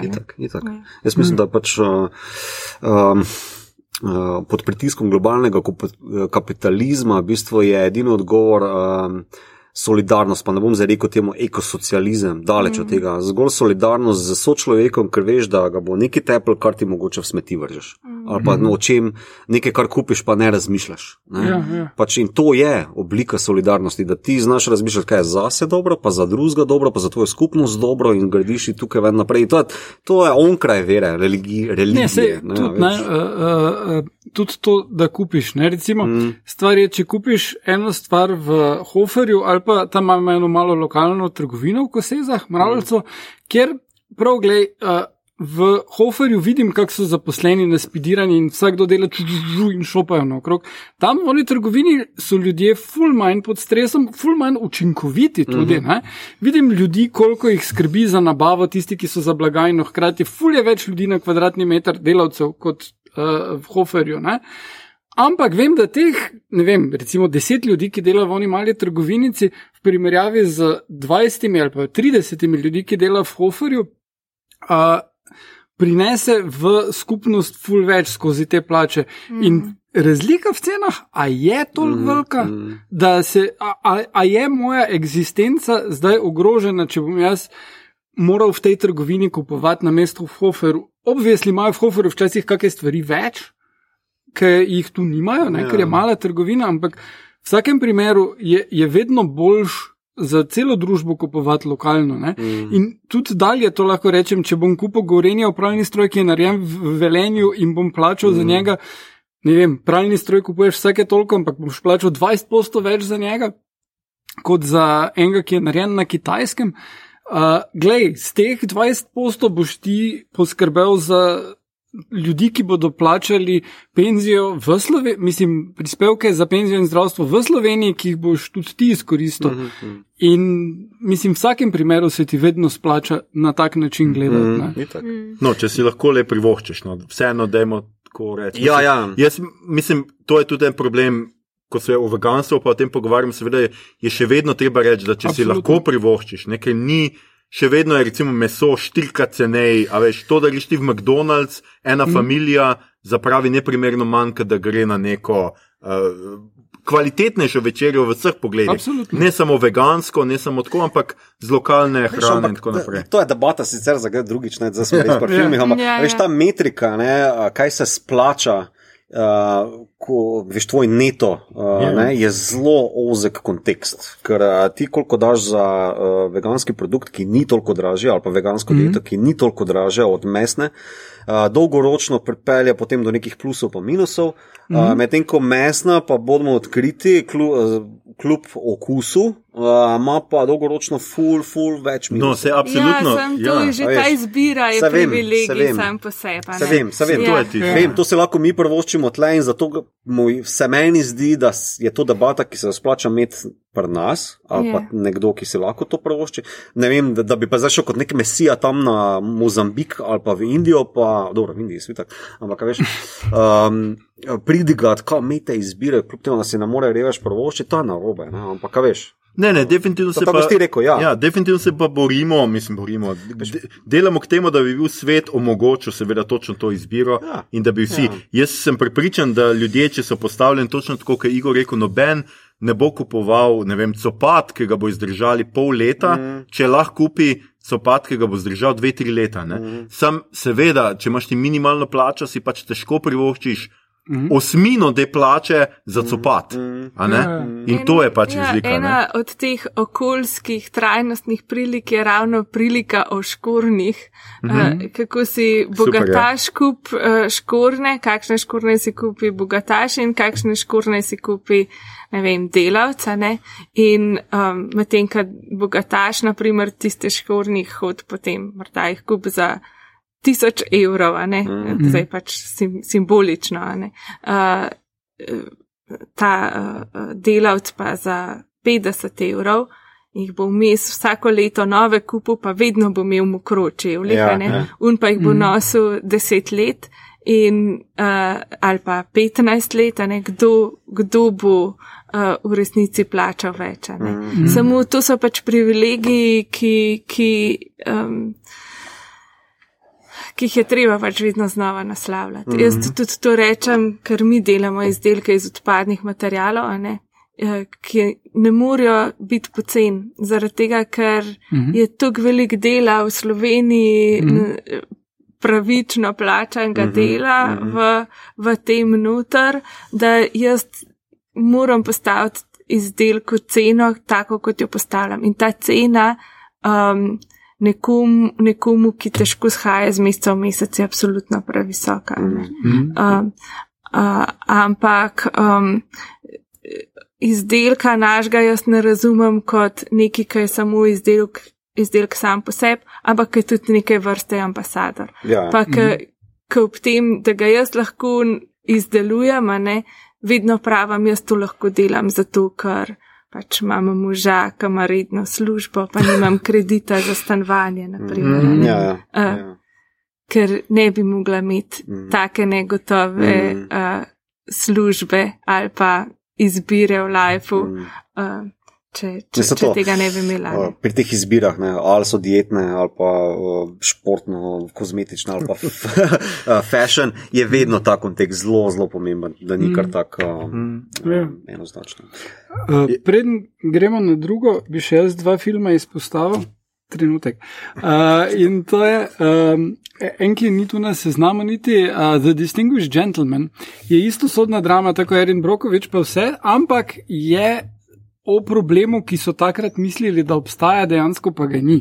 Uh, in to je električni, elektri, te Daljnovod. vodi, daljnovodi. A Ja. In je film o tem, kako daljnovodi povzročajo raka, kar je bilo kasneje dokazano, da Aha. na tem ni nič. Ampak je enako okoljski in to, in električna energija, Evil in Eddie Murphy je dost kul cool noter. Uh, sicer, je pa ena lušna scena, da on dejansko zmaga na volitvah v kongres, ker mu je slučajno ime isto kot enemu, ki je bil uh, republikanski zastopnik in je glih umrl. In pol kandidira z sloganom ime, ki ga poznate. A, cool. To se sliši zelo. Ja. Ja, uh, Tako da to sem še želel izpostaviti, preden gremo na podnebne spremembe naprej.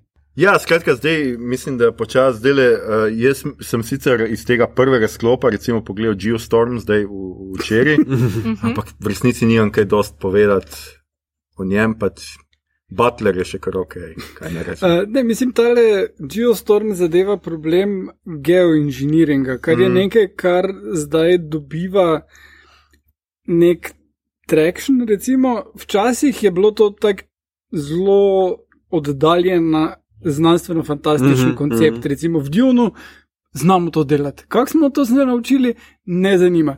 Oziroma, ne, v Dunu še imaš razloženo, kakšne izpuščave narediti. Uh, uh, pač priljudno Zelenico območje, neko, ja. zelenico, kar do neke mere deluje, ne? ampak potem v kasnejših knjigah v Djunu pa imaš, ja, imamo tu satelite, to je zrihtano. Ne? In tukaj v tem filmu uh, Geostormu tudi imaš, imamo satelite, to je zrihtano. Celo je- mrežo, ne vem koliko satelitov. Ja, ne, ja. Uh, kar je pa problem geoinženiringa dan danes, je pa to, da je tehnološka rešitev za problem, ki A se ga da drugače rešiti, in B uh, ne vemo, kako deluje ta rešitev. Ne? In sicer v osnovi se uporablja. Uh, pač se po, poskuša popularizirati ideja, da če um, v oblake nasujemo srebro, oksid in neke druge stvari, uh, bi lahko to odbijalo uh, žarke in bi se uh, zemlja manj segrevala.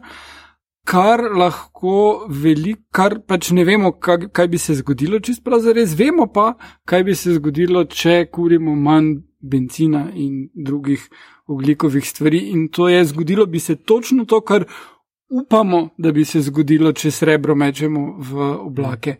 Uh, in ne bi bilo stranskih učinkov, ki bi lahko nastali, če probamo srebro dajati v oblake. Ne? To se da- že na papirju čuje, v krizi. Ja, ja. Ja, ampak je, je pa res, da, kar je Igor pač rekel, ne, te rešitve, ki so se še ne vem, deset let nazaj zdele znanstvena fantastika in so lene rešitve, uh -huh. ampak to so točno rešitve, o katerih se uh, počasi vedno bolj resno razmišlja. To, kar je Igor zdaj le povedal, je ena rešitev, ki se je že nekajkrat pojavila na mizi. Ja, in, in ful imaš, uh, recimo, Bill Gates in podobni psihopati poskušajo, uh, ker zdaj glih kar Bill Gates in Warren Buffett sta par tednov nazaj objavila, da boste zgradila prvo uh, nuklearno elektrarno na Torium. Jaz res ne vem dosto o tej tehnologiji in v končni fazi gre za varnejšo nuklearko, mm. ki bo proizvajala manjše količine energije kot obstoječe in je zaradi tega bolj varna, tako trdijo. V redu, tudi prav. Hkrati je nemška vlada praktično isti teden napovedala, koliko bo povečala v, v eh, solarno in veterno uh, elektrarno in koliko pač vložke in koliko bodo v istem času, ko bo ta ona dva rabila, da zgradita elektrarno, proizvedli več energije zaradi tega in je. Ni, primerli, ni primerljivo. Ona dva, ne spomnim se natančnih cifr, ampak je tako, ona dva bosta proizvedla en gigavat, Nemčija pa bo proizvedla s tem, ne vem, tako šest tisoč ali nekaj takega. Ne? Tak, njun eksperiment je fucking pointless. Zato, ker z rešitvami, ki jih že imamo, nad katerimi Bill Gates že odvedno viha nos, ker hoče ta letorium sfurati iz po meni povsem neznanih razlogov, a, rešitve, kot so pač veterne in, in sončne elektrarne, so ful bolj zanesljive, delujejo, znamo jih narediti in lahko nam zagotovijo energijo. V istem času, kot bo ta ona dva delala svoj glup eksperiment. A lahko samo nis- vprašam nekaj, a Ja. bolj pointless kot to, da naselimo Mars, pa zapustimo Zemljo. Ne, mislim, ja, Elon Musk ni nič manj neumen. Ne, ne. je. Ne, mislim, zakaj bi neumen? Sej on nikoli ni mislil, da mi naselimo Mars. on, ja, to je ta razlika, Lenka, tle Ja, ti ja, mal, ja. veš, Ja, ne razumeš. Jaz, jaz kar mislim, sicer pa tako, ker smo se enkrat, mislim, da je to tudi neka inicijativa se pojavila, pač kao, naj grejo te biljonari na Mars, zaradi mene. In naj si tam naredijo to svojo liberalno, brez davkov, podjetniško republiko in naj nas enkrat pustijo pri miru. No? Veš, Tudi mim grede inicijativa je tudi, eh, ker zdaj le bo a, tale od Amazona, kaj je zdaj? Bezos. Bezos. Bezos bo z neko vesolje bo šel. No? Ja. Skratka, inicijativa zbira se podpise, da ga ne bi spustili nazaj. In ja, jaz sem čisto za to, da grejo modeli na Mars, kamorkoli, ja. da grejo, samo da grejo, no, pa ja. da nam pustijo, da mi s temi svojimi neumnimi rešitvami. Mislim, da je Mars, ideja kolonizacije Marsa ni eh, za lase prevlečena, pa je super ideja, samo to ni rešitev za nas, mi moramo naš dom ohraniti. Ja. a veš. To, da, to, da se nek wanker tam z ne vem kolikimi bilijoni v žepu kao spreneveda, kao da je to nek odgovor na naše probleme, je bullshit. To je njegovo jajcanje. No. No, ampak je spet geoinženiring, ne? ti moraš Ja. Mars seveda najprej terraformat. Ja. oziroma No, kar, kar ne. je zelo vredno v tej seriji knjig Mars od eh, Stanleya Kima mm Mhm. -hmm. Robinsona razloženo, malo so boring, ampak uh, je, je vredno ta koncept, kako bi to lahko naredili. Ne? Je pa to zelo romantična, uh, žanrska, reko kar šundovska literatura, v primerjavi s tem, kak je to resnično. Ne? Ja. Ker vse, kar sem bral o tem, kako bi to res izpadlo, je, je pač ok. Če vzamemo best case scenarijo, pa si še potenciramo krat tisoč, bi mogoče Stanley in Robinson varianto šla skozi. Ne?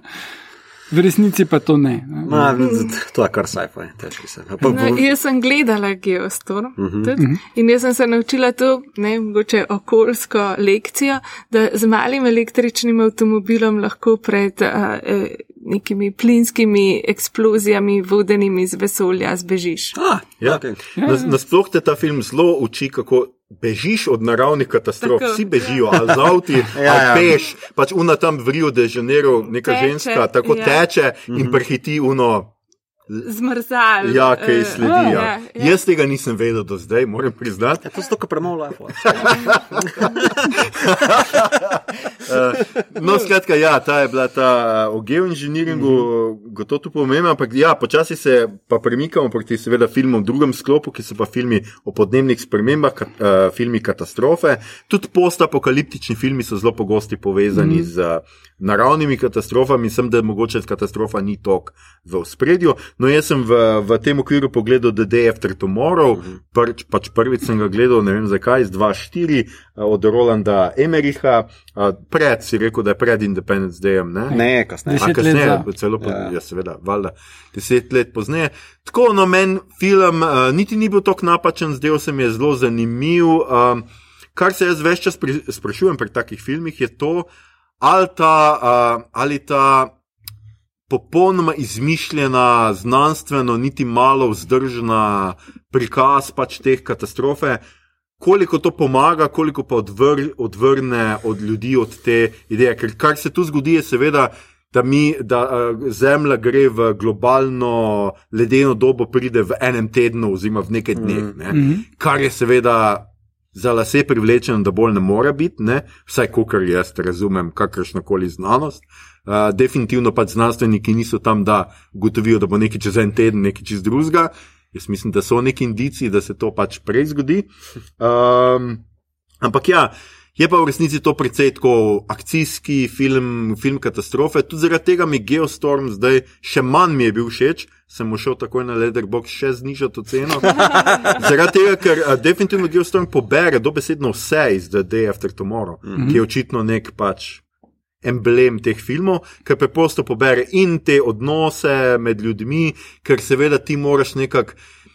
Ta, te filme imajo ta problem, da ti se moraš nekako poistovetiti in ti moraš te ljudi videti. ne. Ja, ja. In pol Ja. posod zbere nekega človeka, za katerega ti zdaj navidiš, da bo zbežal, in pol imamo te scene bežanja spet Ja. tako. In Tukaj imaš malo- bežanje pred mrazom, kjer Tako. Jack Gyllenhaal pobegne v sosednjo sobo, zapre vrata In in, mu mraz ne more, tako. Ja. So huda vrata, da mi firme te vrata stari.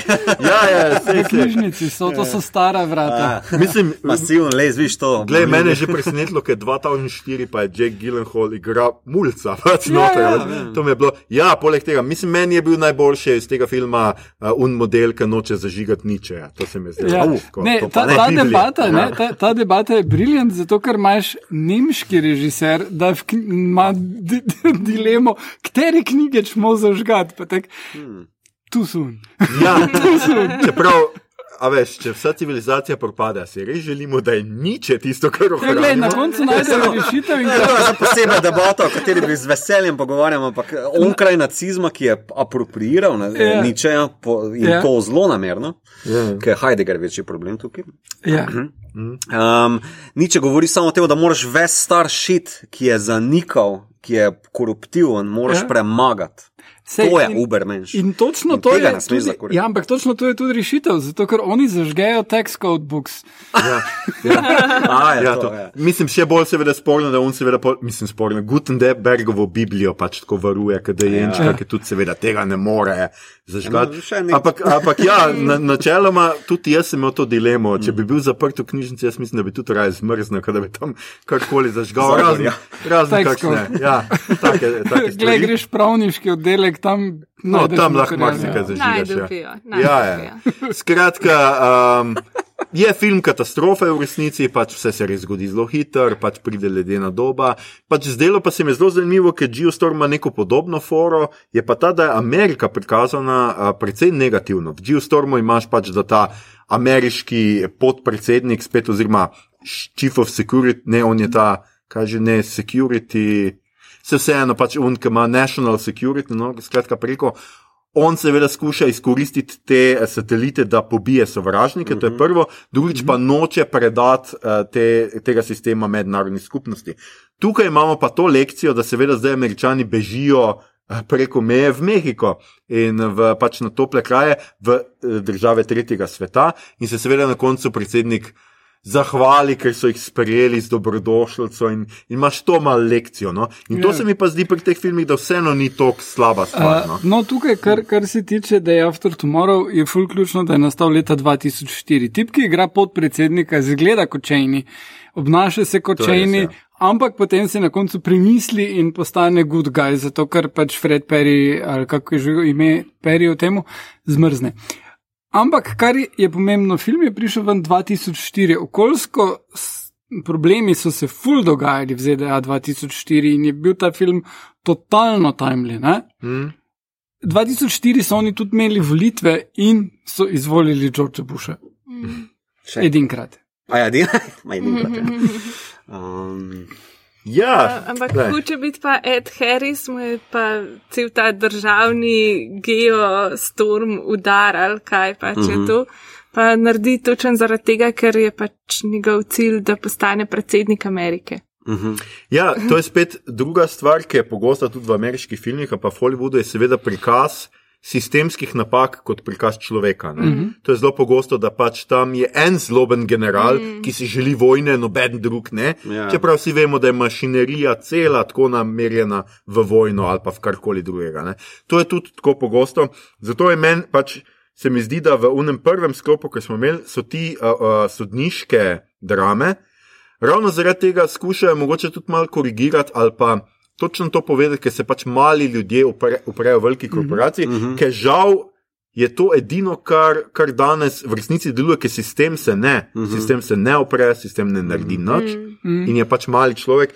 Tu ja, noter je pa pač mogoče ravno ta problem teh filmov, ker teh filmov pa ne moreš ti prikazati stališča individuuma. Zelo pogosto imamo zdaj tukaj nore znanstvenike, oziroma mm -hmm. nore preroke, ki jim noben ne verjame. Ne? Jo, prihaja podnebne mm -hmm. spremembe, ja, ja, ti si butel, ti ne veš nič. Oziroma, Jared Butler je že v meni šel na jedre s svojim egoizmom, ker bi mu jaz tudi rekel, sedi se dol, daj mir. Mm -hmm. Skratka, imaš pač to.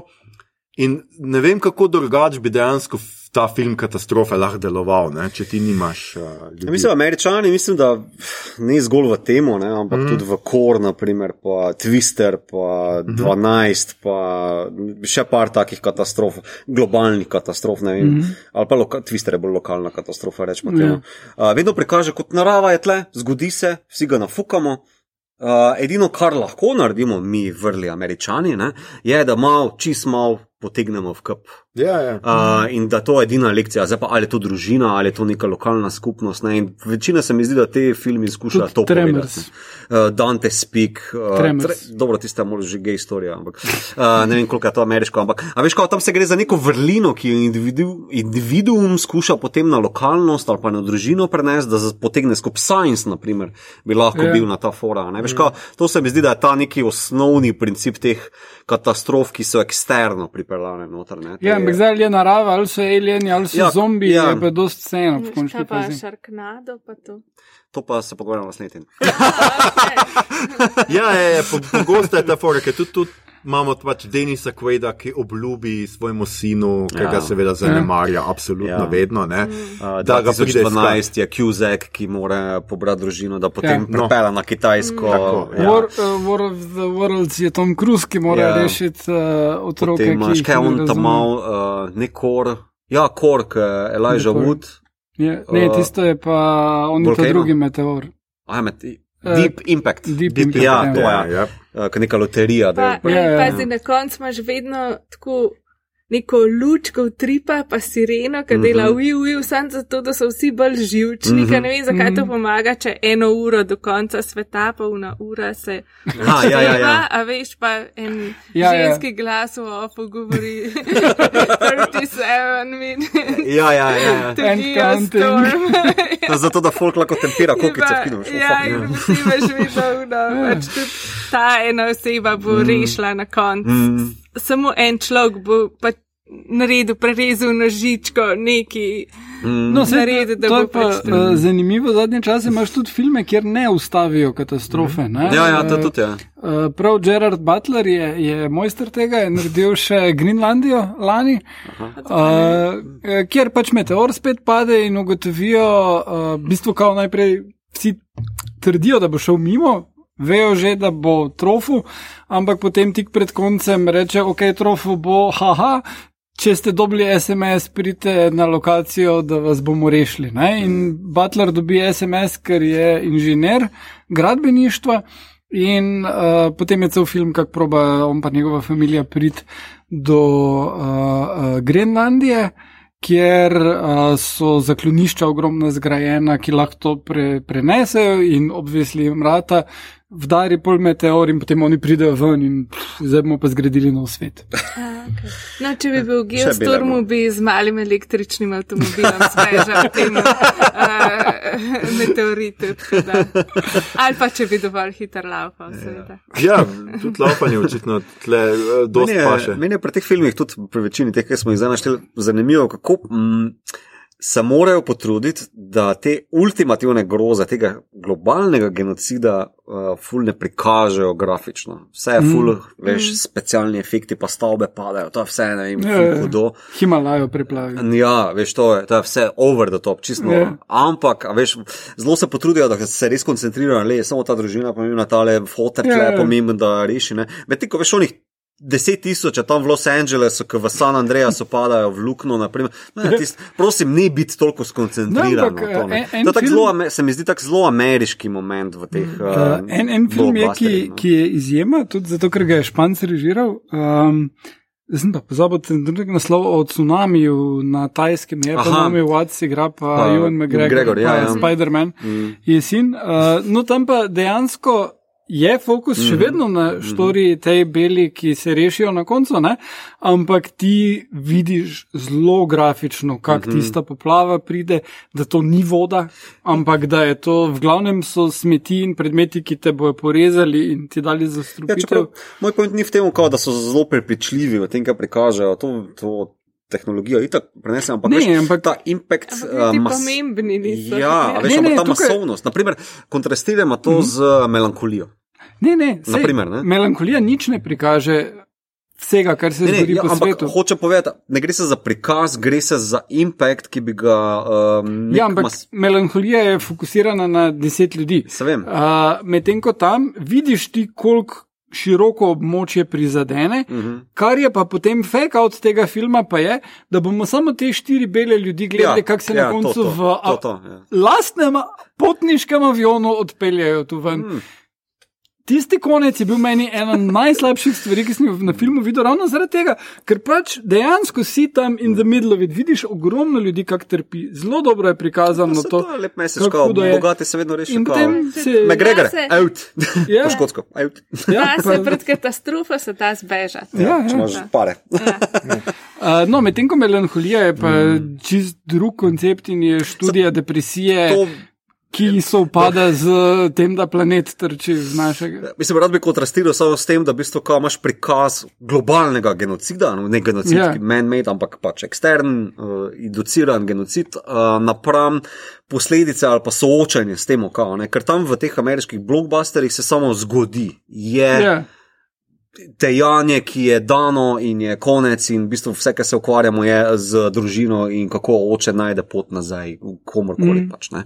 uh, Medtem ko pač noben se ne obada z žrtvami tega ne. in nikoli ni obadanja z- v ameriških blockbusterjih s tem. Melankolija pač seveda je evropski projekt oziroma izdelek, mm. ki je pa zelo drugače, seveda, induciran je bolj ta eksistencializem pač posameznika, mm. kako se sploh soočiti z koncem našega obstoja, bla bla, kljub temu, da je na desetih ljudeh zgrajena varianta. ne. Ja, ja. In to malo pogrešam, ker mislim, da so včasih to znali. Naprimer, Pozajdon, uh, ladja prevrne, pa ves tista norišnica, ki se zgodi, uh, uh, je Ja, ja, pa malo, ma- malo več dano, se mi zdi. ja, imaš tudi zelo kles struggle ja. Ja. znotraj tega Pa prikaza. fucking 70, razumeš? Ja, ja, sej. A veš? Ja, no, tle, tle struggle, um, raz, razredne zavesti ja, absolutno tle ni, ne, tle pač nikoli Ne ne, vidiš. Ja, Ja. ja. Mislim, v teh filmih, čeprav meni je pač bil DFT to moral pač ravno zaradi tega všeč, ker, tako kot je Igor rekel, preč ne ustavijo tega, pač nimaš tega herojskega. Mm -hmm. Mal pa mu je manjkalo točno to, ja, da nikoli.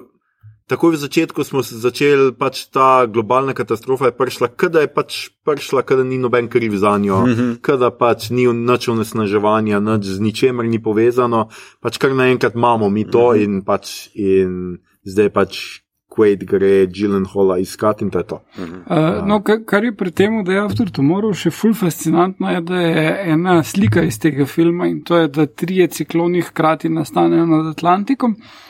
Uh, potem predlani, mislim, da bila res, trije cikloni so bili hkrati nad Atlantikom, s tem, da v onem filmu so nastali tak, ne? tam pa je bil oni že dva tedna, pa je bil na koncu, Ja. ja. ta je bil na sredi, oni pa je še nastajal, kar je realistično že takrat bilo možno, ampak pač imaš screenshot iz tistega filma, pa screenshot dejanske satelitske slike in je identično. Ja, Mislim, to- ene zadeve niso tako farfetch, kor je čista dio, ampak uh, veš, ene so pa Ja, dosti ja. plausible. Zadnjič sem gledal samo za intermeco, uh, Kurzgesagt, YouTube kanal, znanstveniki delajo Mhm. animacije na, na različne teme, no in je bil pred parimi dnevi o uh, kometu, ki, o, pardon, asteroidu, ki je padel in ubil dinozaure. Mhm. 80 let nazaj. In polje opis, kaj se, a si gledal to? Ja, ja, ja. Pol pa opis, kaj se je zgodilo in je stokrat hujše, kot sem si mislil. um, da je v bistvu se za par dni dvignila naenkrat po celem planetu temperatura nad 100 stopinj Celzija, da je ti že tisto dvignilo. Ne ono oblak, pa ne, uh, temperature so padle kasneje, ampak da na določenih območjih je bilo 1000 stopinj, po celem zemlji, kao za par dni 100 stopinj. Groza. Ne? A veš, in pol gledaš Deep Impact, naprimer, ki tam uh, dovolj reče, uh, ja, o tam malem pač o asteroidu sploh ne moramo razmišljati, da je rešiti ta večjega, naprimer, kar ono se pač še, ne, veš, bodo se že znašli tako naprej. Ne, ne, stokrat hujše je, kot si pa lahko mislimo. Ne? Um, ampak ja, uh, ga bom dal v link, no, to je zelo tragičen, zabaven mm, video. Zelo dobro narejen. Ja. Ja, skratka, uh, nasploh je, eh, žal, mislim, da je tudi tako, da je precej dosti slabih filmov, tle moramo Ja. vseeno priznati med Ja, ja. temi filmi eh, katastrofe in jaz. V resnici ne vem, itak jaz mislim, da seveda ni na filmu, da rešuje svet, ne, to nikoli ne bo, ne, pač to so vseeno politične odločitve. Se jim pa zdi v končni fazi vredno in pomembno, da se tudi taki filmi snemajo.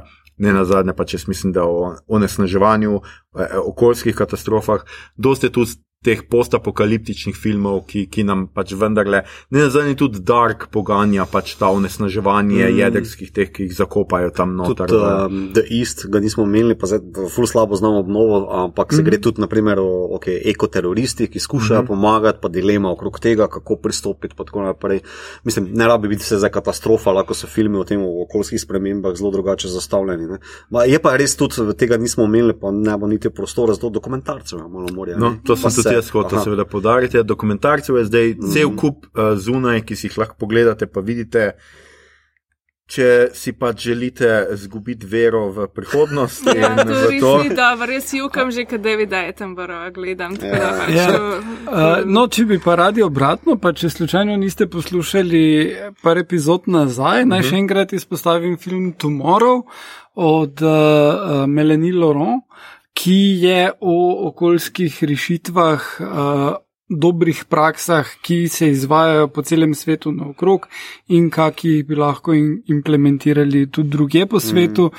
In uh, krasna Melanie Laurent je front and center in tudi za kamero mm. in uh, ful priporočam. No, jaz bom v to malo še vrgel YouTube kanal Our Climate Change, ga bom mm. prolinkal spod, ki se ukvarja prav z rešitvami, problemi, dobrimi praksami in tudi slabimi praksami uh, v YouTube formatu, kar je mogoče komu bliže.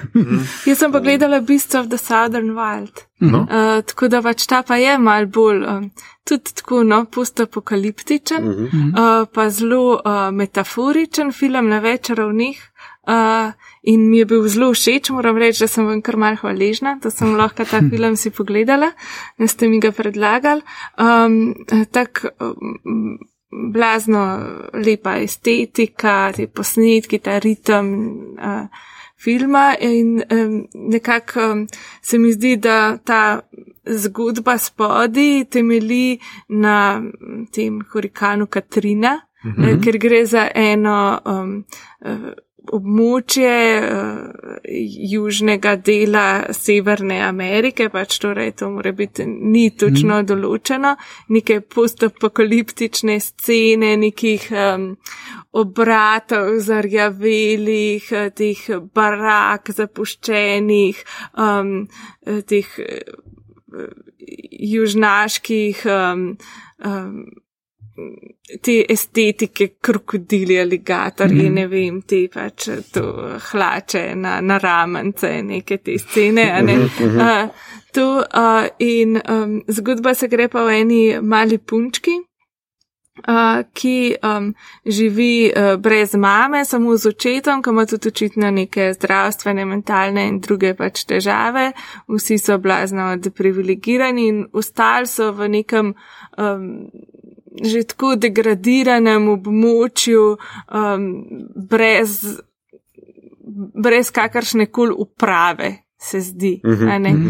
uh, uh, potem pa prihaja še en fulvelak um, uh, neurje, hurikan neki in to dejansko pride do tega, da se res poplava zgodi taka um, bibličnih eh, razsežnosti in vmes je en del, uh, kjer ta mala punčka stara devet let, eh, temnopolta, jo oče posadi tam v eno škatlo noter in ji reče, če bo prišla voda, boš splavala gor, natakne ji rokavčke in reče, zdaj pa spi.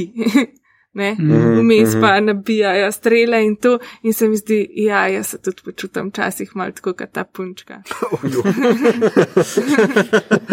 Ne. Uh, tako da več na ta način mi je deloval, potem pa več v začetku so neki prizori, ki so skoraj tako idealistični, skoraj nek, neka podoba raja, čeprav se pač že vidi te zarjavele to, ampak kot komunity in potem kako se to skupaj razpade in potem spet neki prizori, ki so skoraj um, bi lahko rekla, skoraj skor neke vrste nujetova barka, se Mhm, zgodi pač mhm, barka, ki pelje tja, kamor moraš priti. Mhm, Uh, mhm. uh, in rečejo, ne, uh, in na koncu se ta mali komunity spet sestav neki, ta imaginacija, te punčke, um, neke ogromne živali, ki prihajajo in um, potem ona nekako um, vzpostav odnos do njih, premaga ta svoj strah in tako. Um, da zelo, zelo, zelo, zelo lep in zelo fajn film. No. No, nice. Ja, ja. Ja. Jaz še ga moram pogledati, še Mm. nisem. Ja. Uh, ta punčka je bila nominirana za Oscar, za gla- glav, stransko vlogo. Za, stransko vlogo. Ja, ja, Za ta film? Ja, za ta film, ja. To je devet let. ja devet let stara. Ja. Res, Ja. res fulepo. In, in vem, da je ena težjih odločitev, jaz sem bil na uh, žiriji na Lifu, ko je bil ta film, in sem zbral en drug film za nagrado. Mm. Prasec. Ja, uh, ne, uh, dejansko je bil, po mojem mnenju, vseeno film boljši. Oho. Uh, Kjer pa se ne vem. švicarski film, uh, fant z uh, gornjega nadstropja, oziroma sister, je angliški prevod o enem fantu, ki na smočišču krade robo, uh, pač smuče pa to, ki so tam parkirane. In pol pač je dost kompleksnejša zgodba, socialni realizem. Uh, ja, tisto leto sem bil. Skratka, tisti ček, ki si ga dobil od naftne Ja. industrije, ni nič vplival na tvojo odločitev. Uh, ne, prav, prav Od zanimivo. Nikea, veš, Tisto ja. leto, ne, ne, tisto Ja, ja, leto bil- švicari, vse vemo. Tisto leto sem bil v dveh žirijah in sem dal dvema švicarskima filmoma Aha. nagrade. da Okay, ja. to je pa zdaj res sumljivo. No? Ja. Rikola, veš. Ja. Ta drugi- ga delali? A, ta drugi je bil skrajno uh, um, kritičen do Švice, ki je bil o zapornikih, ki je bil na FDF. Dobro, Igor, če ti tako rečeš. Uh, skratka, mi bomo dali, mislim, uh, mi bomo seveda bomo dali zdaj, če niste pogledali prej, ker smo že na koncu, seznamo spodaj imate vse te filme, o katerih smo govorili. Uh, tudi kakšnega bom jaz oddal teh, ker jih imamo na seznamu, pa jih nismo tok zdaj blazno omenjali. Recimo Wally bi si verjetno zaslužil Ja, kakšno ome, ja, uh, omembo. ja, ja. Če hočete biti zelo cute, uh, gledati zelo cute film o smeteh, pač. Uh, ja, s Mi tem, vedno da- pravimo, za prosti, ki te prekinejo, Ne. za smet imeti pač, da naša zaveznik, zavetnika sta uli, pa če se spomnite, v pračem dulu, Smetka marjetka. Ja, no, no, je. To se frači dol, ja. Ja. No, to še ena taka eko, Uh, hipsterska, hip. Wally je, je, Wally je zanimiv še z enega drugega stališča, ker poleg tega, da je pač pro reciklaža in smeti in to, je pa drugi aspekt tega, da tale AI, ki je malo on the nose kopija Hala, vzpostavi ultimate ono nanny state, torej predstavlja nekaj, kar bi preveč državne regulacije in državne skrbi za ljudi privedlo do tega, kar oni potem imajo. Ne? Kar je, je hkrati. Ne? Torej, brez regulacije pridemo do tega, da imamo uničen planet, preveč regulacije pa pridemo do tega, da ljudje mislijo, da pica raste na drevesih in mm. da je rdeča barva ta, te- tega tedna. Uh, ful ne najde neke vmesne variante čist v redu. Prej razumel. ja. Ampak je pa cute zgodba o zaljubljenem robotu, kar mislim, da je ful premalo. En, Meni se zdi, uli, da je tudi neka parafraza malega princa vedno bila. A, Da. No, okay. a, Ja, tudi- ja. tudi Ja. Samo ja. na- To mi je pa Preživi. zelo všeč. Ja. Pač to rastlino, ki jo on Ja, najde. da- Pa zdaj se približuje skupaj, pa Ja, potem ja, postaneta ja, prijatelja, pa njej se zmeša vmes. To, no, ja. Skratka, še Wally, ja, ki ga nismo tako menjali, pač dajte še kaj pogledati, no tudi povejte, če, če smo kaj zgrešili, pa bi Zdaj bodo omenili. Interstellar. Ja, Ja, ja, recimo Interstellar. No, zdaj smo ga omenili, skratka, nismo zgrešili. bomo dodali še, še, še v Pa, zapiske. zdaj, pa še kdo bo omenil matrico, z- ta veš, Ja. Matrica je samo zaradi tega, ker Ja. so za- za- zatemnili. te- Tako je, tudi je. Srboro. Tudi tud, uh, v Highlanderu dvojki, kaj že nekaj A? z, ne, z, nebe, z nebom. Ozon. Ja, ja. Ozon. Ozon, točno je ozon. Ozon je ja. rešil. Aha, Ja, to je bilo v 80-ih, pa je bil to edini problem. Pa Waterworld, to tudi. A ja, niso, ja, Waterworld. Ja, tle, bi, tle bi ga zelo postavil zraven uh, Arnovskega Noeta, veš, kao ta Ja. poplava, ne, ki se zgodi. Ja, meni, je, meni, meni je še vedno špasten film, čeprav ne štekam, zakaj so vsi tako ruknjeni na cigarete. a Veš. To je kao glavna, m- to so očitno v tem planetu, ki je poplavljen, so vsi zaporniki, pa si samo s cigareti Ja, ja. delaš. ne. Ja. Težko jih je ohraniti suhe. I guess. Ja, Ja, se po moje, top point. Ja. To je, Ja. pač, Ja, I guess. Niso še imeli mobitelov, da bi jih skrbela več. Pa res, Pariž, to bi Ja. bolj bilo, to bo prihodnost. Ja. Mobiteli Pariž. to pa res si lahko predstavljamo, kako zajeban je biti v poplavljenem svetu tako dolg časa, mm Mhm. -hmm. ker je res dolg film. Ja, eh, lepo, lepo si to timing. Uh, skratka, ves seznam imate, pejte kaj čekira, če smo vas zakaj navdušili, mi bomo zelo veseli. Uh, zdaj pa seveda sledi. Uh, Eno sem se še Igor, spomnil. Igor se še eh, nekaj spomnil? Ja, eh, norveška serija, je, katere avtor je ta, ki piše kriminalke, ki vi izdajate. Nesbo. Nesbo. Je o tem, da Norveška neha proizvajati, neha črpati olje, nafto Mhm. in uh, zaradi tega EU, ki je odvisna od nafte, uh, prosi Rusijo naj uh, okupira Norveško. Oh, Invazija je naslov. Uh, in z političnega vzroka oni pač imajo neke tehnologije, ki bi naj nadomestile nafto, EU, kjer pač imaš prav voditelje, ki spominjajo na te še vedno aktualne, kot so Merklova in Macron, prav rečejo. Ok, ne, glej, mi smo vam dali možnost, zdaj pa pridejo Rusi. Mm. Čau. ja, In- sem, tudi jaz tudi mislim, da Rusija ni treba kaj posebej prositi. Samo to bi že pred misimi je farfetched. Če bi, zdaj ne rabiš norveške okupirati, samo pač naftne vrtine, pa to. to. Ne, oni prav uh, predsednika oziroma premija Norveške ugrabijo s helikopterjem, Ja, ja, odpeljajo nekam. Povem samo, da se mi zdi overkill. Um, Ne, v bistvu je, če bi oni okupirali vrtine, Ja. ja. bi to lahko vojska napadla. Če pa ti uh, premije uh, prisiliš v to, da je tvoj lapdog, pa boljš deluje. okay, bolj filmsko je zdaj. Ja. Um, ja, To okay. gotovo je. Mm.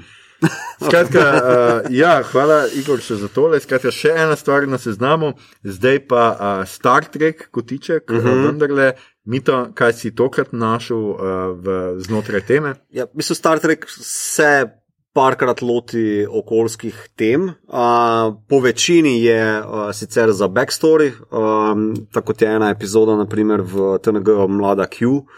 Um, če se to spomniš, kako skuša prepričati eno mlado dekle, ki kaže znake oziroma moči uh, Q-jev, um, jo postavi pred nemogočo dilemo, ali rešiti planet pred okoljsko katastrofo ali ne, ona je vse mogočno biti in potem reši ne, in tako ona postane Q. Uh, Notor je tudi en zanimiv tek, uh, ker njena starša umreta v Iowa ali ne vem kje, v Montani. Po tornadiju ubijajo in še Pikar tako reče, kako, a ni vremenska mreža, ki jo imamo na Zemlji, ne, preprečila tornade, ker to očitno tornado, nekaj, ja. kar obstaja, ne, ampak je pač to neki božji, bla, bla, bla, nima veze. Uh, to je ena, pa ena par delov še eno, v bistvu tudi v Voyager in Deep Space Nine, ki se grejo te zadeve. Uh, v filmih imaš uh, tudi to izraženo kot backstory v Kiti. Kite, ja, to je štiri, Voyage Home, Štiri, ja. uh, kjer pač v prihodnosti neka sonda prileti in se želi zgolj pogovarjati s kiti, ki pa niso v prihodnosti in letijo nazaj v čas, da poberajo enega kita. Odpeljejo. pa tudi Genesis, oziroma dvojka, Ja. pa trojka je Ja, kao ta ja. varianta, da se grejo Oziroma pač enka in dvojka. dvojka in trojka. Enka je zgolj Voyager. A ja, ja, ja Voyager, dvojka no, in trojka. pardon. Ja. Um, to se grejo pa v šestki, se grejo z um, uh, Praxis, ne? je okoljska katastrofa, klingonci izgubijo glavni vir energije in pol morajo skupaj sodelovati. Ampak se pravi, to so zgolj povodi za zgodbo, glavno, ni pa osrednja tema. No? No, ampak tam pri kitih je kar osrednja, zato ker jim zmanjka štorije za cel film. Ne. Tako da Oko, okoli, okoli je to, da pač spufajo 80, ampak. eh, Ne, jaz mislim, da glavna tema je fenomen time travela, pa malo joke na kao, ju, lej, 20 stoletja, kjer je zajebanci smo bili, kako smo sploh iz tega prišli ven, naprimer. Ja, ne. ja. Bolj to. Uh, tudi Voyager ima en uh, Future Imperfect, uh, dvoparter epizodo Sarah Silverman noter nastopa, kjer Voyager gre nazaj v 80 oziroma 90, še tu vok tam reče, kako ste vi sploh prišli ven z tega. Samo žarčenje, ozona, nimate UV žarčenje, presenečenje, da ste vi sploh kam zgurali. Ampak zbral sem pa zgolj dva dela, eno je TNG, uh, Force of Nature, kjer pa je osrednja tema. Um, uh, Onesnaževanje, mm -hmm. uh, ki ga prevedemo tukaj lahko v uh, onesnaževanje v, na našem planetu. Uh, osnovna štorija je takšna, da obstaja nek sektor v vesolju, kjer lahko potujejo te ladje z nadsvetlobno hitrostjo zgolj po enem koridorju. In uh, tam se znajdeta dva znanstvenika, ki sabotirata Enterprise uh, in skušata uh, pripraviti Picarda do tega, da jo posluša, da, uh, jih, oziroma, da jim prisluhne njihovim znanosti, da se pač to škodi, da pač warp travel škodi uh, temu področju, in pol pride do tega, da se ena znanstvenica žrtvuje, uh, ta warp core naredi in se uh, pride do katastrofe. Um, do onesnaževanja in potem skušajo rešiti neko zadevo, in to je neka osnovna premisa. Zdaj pa meni se zdi malo problematičen del, ker ful mešajo z Dejto to pa nekako um, njegovim mačkom, kljub temu, da mogoče to neka, to sem danes razmišljal, analogija za to, da kao Dejta trenira svojo mačko. To je prvih 15 minut epizode. Dejta trenira svojo mačko, mačka pa ne šljivi pet posto, ne, ampak skužiš pa tam, da v bistvu Dejta se pa fulna trenira. Uh, kdaj kaj dati mački s potom, moje ime. Uh, da mogoče to analogija za to, da pač a, žival, nekaj divjega, neko naravo ne moreš trenirati, lahko pa se človek prilagodi, pa nekaj nauči. I guess, Lepo, Ja. I ja, guess. Make sense. Uh, kljub temu, da je on man-made android. Okay, Ja, ne, ja, ne, ja. Uh, drugače pa Maček tak- trenira, da je to. Ja, v bistvu to vse to kleforce celo kao uh, pošali, pa reče, kao, ja, you cannot train spot, but you got trained really well, kao, nekako tako. Um, tako, del ima malo problemov, ampak kaj pa ti misliš, ti si zelo še svež. Ja, ne, meni se zdi pač fin, glede tega, ta analogija je seveda z nafto in z, mm -hmm. z vsem tem. In se mi zdi pač fino, da se oni prvič, ko se vprašaš, ti, ok, warp speed do zdaj. Pač nisi imel nobenih idej, Ja. ne veš, kaj to je. Niti niso problematizirali. Ja, niti ja. nikoli, zdaj pa prvič problematizirajo pač potovanje uh Mhm. -huh. uh, po vesolju in tudi Picard, mislim, da na neki točki pač to reče, da vedno si je želel potovati po vesolju, ja. vedno mu je bilo zelo lepo, mislim, to je sanje vsakega, pač Mhm. ne vem, zdaj v tem stoletju. Ampak ja, zdaj se pa prvič sprašuje, on z svojimi sanjami škodi mm -hmm. uh, okolju. In ravno tem okolju, ki ga bi on rad raziskal, mm -hmm. ohranil, pač popisal in vse to. Mm -hmm. To se mi zdi zelo, mm -hmm. uh, zelo lep način, kako pač ljudje včasih s svojimi posegi, ki se mogoče ne zdijo.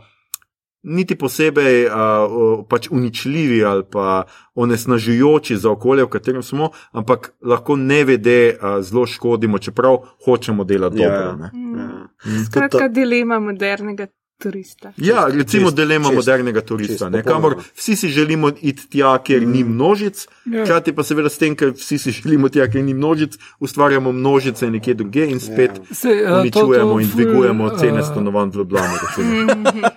Uh, Ful v redu to uh, knjiga, do, do manjše meri pa tudi film uh, Obala. Uh, Aha, predstavi, ja. Mm -hmm. Uh, na koncu te epizode mi je tudi pomenljivo, um, ker so bili mogoče na en način še celo pred časom. Ker uh, uh, na koncu ta dva znanstvenika, oziroma samo en še, ki preživi, uh, dosežeta svoje, da uh, Starfleet prisluhne. Mhm. In sprejmejo neko odločitev, ki pa je zelo podobna nekim tem jajčevskim, pariškim uh, akordom. Mm. In reče, da ja, fuk, uh, tle bo treba nekaj narediti, bomo poslali eno ladjo, bomo raziskali še v nulo. Tako da do nadaljnega bomo tle potovali zgolj z Warp 5 na mesto 9. Mm. Razen v takrat, ko je nuja. Ne? In so vsi tako malo pogledali, a ja, to je tako malo pusi, a veš, odlo- ja. a veš tako. In se mi zdi isto, kot a veš. Uh, pariški, naprimer, akordi, ki so vsi takšna. Bomo se em, potrudili. bomo se potrudili, pa imaš neke polovičarske odločitve, ki zgolj nekako. Uh, na pol pridejo do nekih res konkretnih rešitev. ne. Uh, se mi je zdelo, da leta 94 uh, je bilo že to zelo tako uh, napredno, no, mislim, v tem Ja, smislu. To je en del, drug pa je Voyager, uh, se vem, oprosti se opravičujem. Uh, Voyager Night. Zdaj ta To je prvi del pete sezone, kjer pa je prvič spoznamo v tem delu uh, Mailonce. Uh -huh. um, Igor, ti si bolj to gledal, tudi Maljoša še ni tam. Ja. Ali kaj ti si gledal, Star Trek? Eh, Sem, ampak že zelo dolgo. Okay. Um, skratka, Voyager ima en problem, uh, ker potuje skozi vesolje, pa si ful ne more vzeti časa zdaj. Um, Raziskati. raziskati neko raso ja. ali pa kam, eh, planet ali pa nek problem. Uh, so pa pri Mailoncih si pa vzeli v treh, štirih epizodah malo več časa in problematizirali prav industrijo ali pa koncept kulture. Ki ima, ki ima, kako naj temu rečem, ki ima profit zgrajen večinoma na to, da svoje odpadke uh, izvažajo nekam drugam in mm -hmm. jih deponirajo v 3PM. Ta del se začne tako, da so oni v predelu vesolja, kjer ni nobenih zvest, ni mm -hmm. nič in je vsem dolg čas. Tudi Jane Weyeva se zapre za dva meseca Izolacijo, ja. v izolacijo, depra na celi ladji, vsi so samo na holodeku, pa se dolgočasijo v 3PM. Na kar začnejo zaznavati neko žarčenje, neko sevanje, neko nasnaževanje, in postane, seveda, kot znanstveniki, ko se pa dogaja, gremo raziskati. Ne? In potem skužijo, da v bistvu um, ena Prek rasa. Vortexa, uh Mhm. -huh. uh, ki je pač neka ta črvina, izven te, uh, ki pelje izven tega ničnega prostora, eni vozijo sem svoje odpadke uh, in. V, tej nič, v tem niču pa obstajajo ena bitja, ki tukaj živijo čist v redu, ampak zdaj umirajo zaradi teh odpadkov, kar je čist on the nose, Mhm. ampak uh, mislim, da, da je nekaj, kar je potrebno vsake toliko izpostaviti, da ni placa, ama nikjer, kamor Mhm. bi lahko odpadke kar tako odvrgal. Ker uh, vedno vplivaš na nek ekosistem. Mhm. Uh, in tukaj je zdaj pač ne, celo tu sred ni- ničesar, sred Je vesolja. nekaj ne. živega. Ne? Je Ja. nekaj živega. Uh, ne, meni je zanimivo, da uh, okay, ta opis te, rečemo, ultrakapitalistične uh, Mhm. kulture, ki deponira uh, te odpadke nekam, pa da jih boli kurac, bolj ali manj, uh, da tako govori, to je meni profit, jaz ne morem s tem. Kljub temu, da se tam nostro zagovarjajo, se tudi jaz umiram zaradi tega, ne nosijo Ja. neke ogromne skafandre, so zelo iznakaženi. Ja, ja. Uh, Starfleet jim želi pomagati, mi imamo tehnologijo, ker smo isto kot vi imeli to fazo onesnaževanja, pa smo razvili mm. tehnologijo, kako to čistiti. Pa seveda ni v interesu teh firm, pa kulture. Tukaj pa, je, ne. tukaj pa je nekaj, kar je direktno navezano mm. na aktualne dogodke mm -hmm. pri nas, ker tale glavni uh, negativec te epizode. Mm -hmm. uh, Oni mu predstavijo čistilno napravo, ki bi rešila mm Mhm. -hmm. to sranje, ki ga on tukaj da, Mm. od, odmetava, in on reče: Ne, meni je glavni biznis transport Ja. ja. tega. Mm. Mm. In jaz od tega živim in ne bom uh, te vaše tehnologije uporabil, zato ker to bi vplivalo na moj livelihood. In mm. -hmm. točno to smo imeli s tem od, od, bla, odmetavanjem blata. Imate, ja. Imel si običajne ljudi, ki so zaslužili par sto evrov, kar jim je zagotovo dost pomagalo. Mhm. Uh, ampak teh par sto evrov so zaslužili s tem, da so za ljudi, ki si zaslužijo Mm. biti za zelo dolgo časa zaprti, uh, odvažali odpadno blato Mm. v pač naravo. Tako Zelo. Ampak to, ja. ja, kar si rekel, v bistvu to, si tako, to je pač tako hiperrealistično, v resnici to se dejansko dogaja. Pač Mhm. mm. Zahodni svet dejansko tovor ogromne količine smeti Mm. v Azijo, v Mhm. mm. Afriko, kjer se potem te smeti niti ne predelajo, ampak samo so in jih odplakuje mm. morje, pač razgradijo se nekako v naravi, ljudje jih eh, živijo na teh deponijah in nekako preživijo od tega. Um, in tukaj to, to je tako pač res zelo realističen Ja, ja. scenarij. Mm. Ja. Um, Se, uh, Star Trek je v bistvu najboljši takrat, ko je zelo direktno, pa pogumen, mm. pa preko teh fenomenov direktno komentira našo sodobnost. Mm. Mm. In uh, tukaj mislim, da so zelo dobro zadeli, uh, res Zeitgeist, ne zgolj za. Uh, Čakaj, peta sezona je uh, tam 99-2000, tu nekje. Um, ampak dodatno bom še pa to dal, ker uh, tako smo omenili prej. Jane Weyeva, kapitanka, znanstvenica, zelo mm. Mhm. feministična ikona za me. Mhm. Um, Uh, je v izolaciji, ker nekako sama procesira, zakaj jih je so sploh spravila v to mesto, v ta, mislim, mesto, v ta predel vesolja, to je njena velika krivdni neki sindrom razvija ne, v oni izolaciji, ampak jo pa to zadeva zbudi in prebudi da se odloči, da se spravi ven v nekaj, kar se mi pa zdi zelo pomembno, v neko aktivistično pozicijo, da zdaj bo pa ona ne zgolj sama sebi pomagala, ne zgolj svoji posadki pomagala, mm. ampak pomagala in skuša pomagati in tej kulturi, ki jo nasnažuje, še posebej pa tistim, ki trpijo pod tem. In je v bistvu zelo močan moment. Ja, to je a, pač noter. ti uh, podnebna pravičnost. Ja, ne. to, Ja. to. In, in hkrati en krasen white savior moment. Ne? Ja, dobro, ok, le samo čekote zraven, pa tu Sam je pa voka. ženska. Ja, Ni krk za spremembo. ja, z- pa glih ne punch out, zdaj vse po. Ne, full fine del ga res priporočam. Saj je še jih več, uh, mailoni se še ne trikrat, štirikrat pojavijo, malo v drugačnih konstelacijah, ampak tale je pa res direct on the nose, uh, da komentira, pa da je pomeljiv. Takrat bil, pa še danes. No.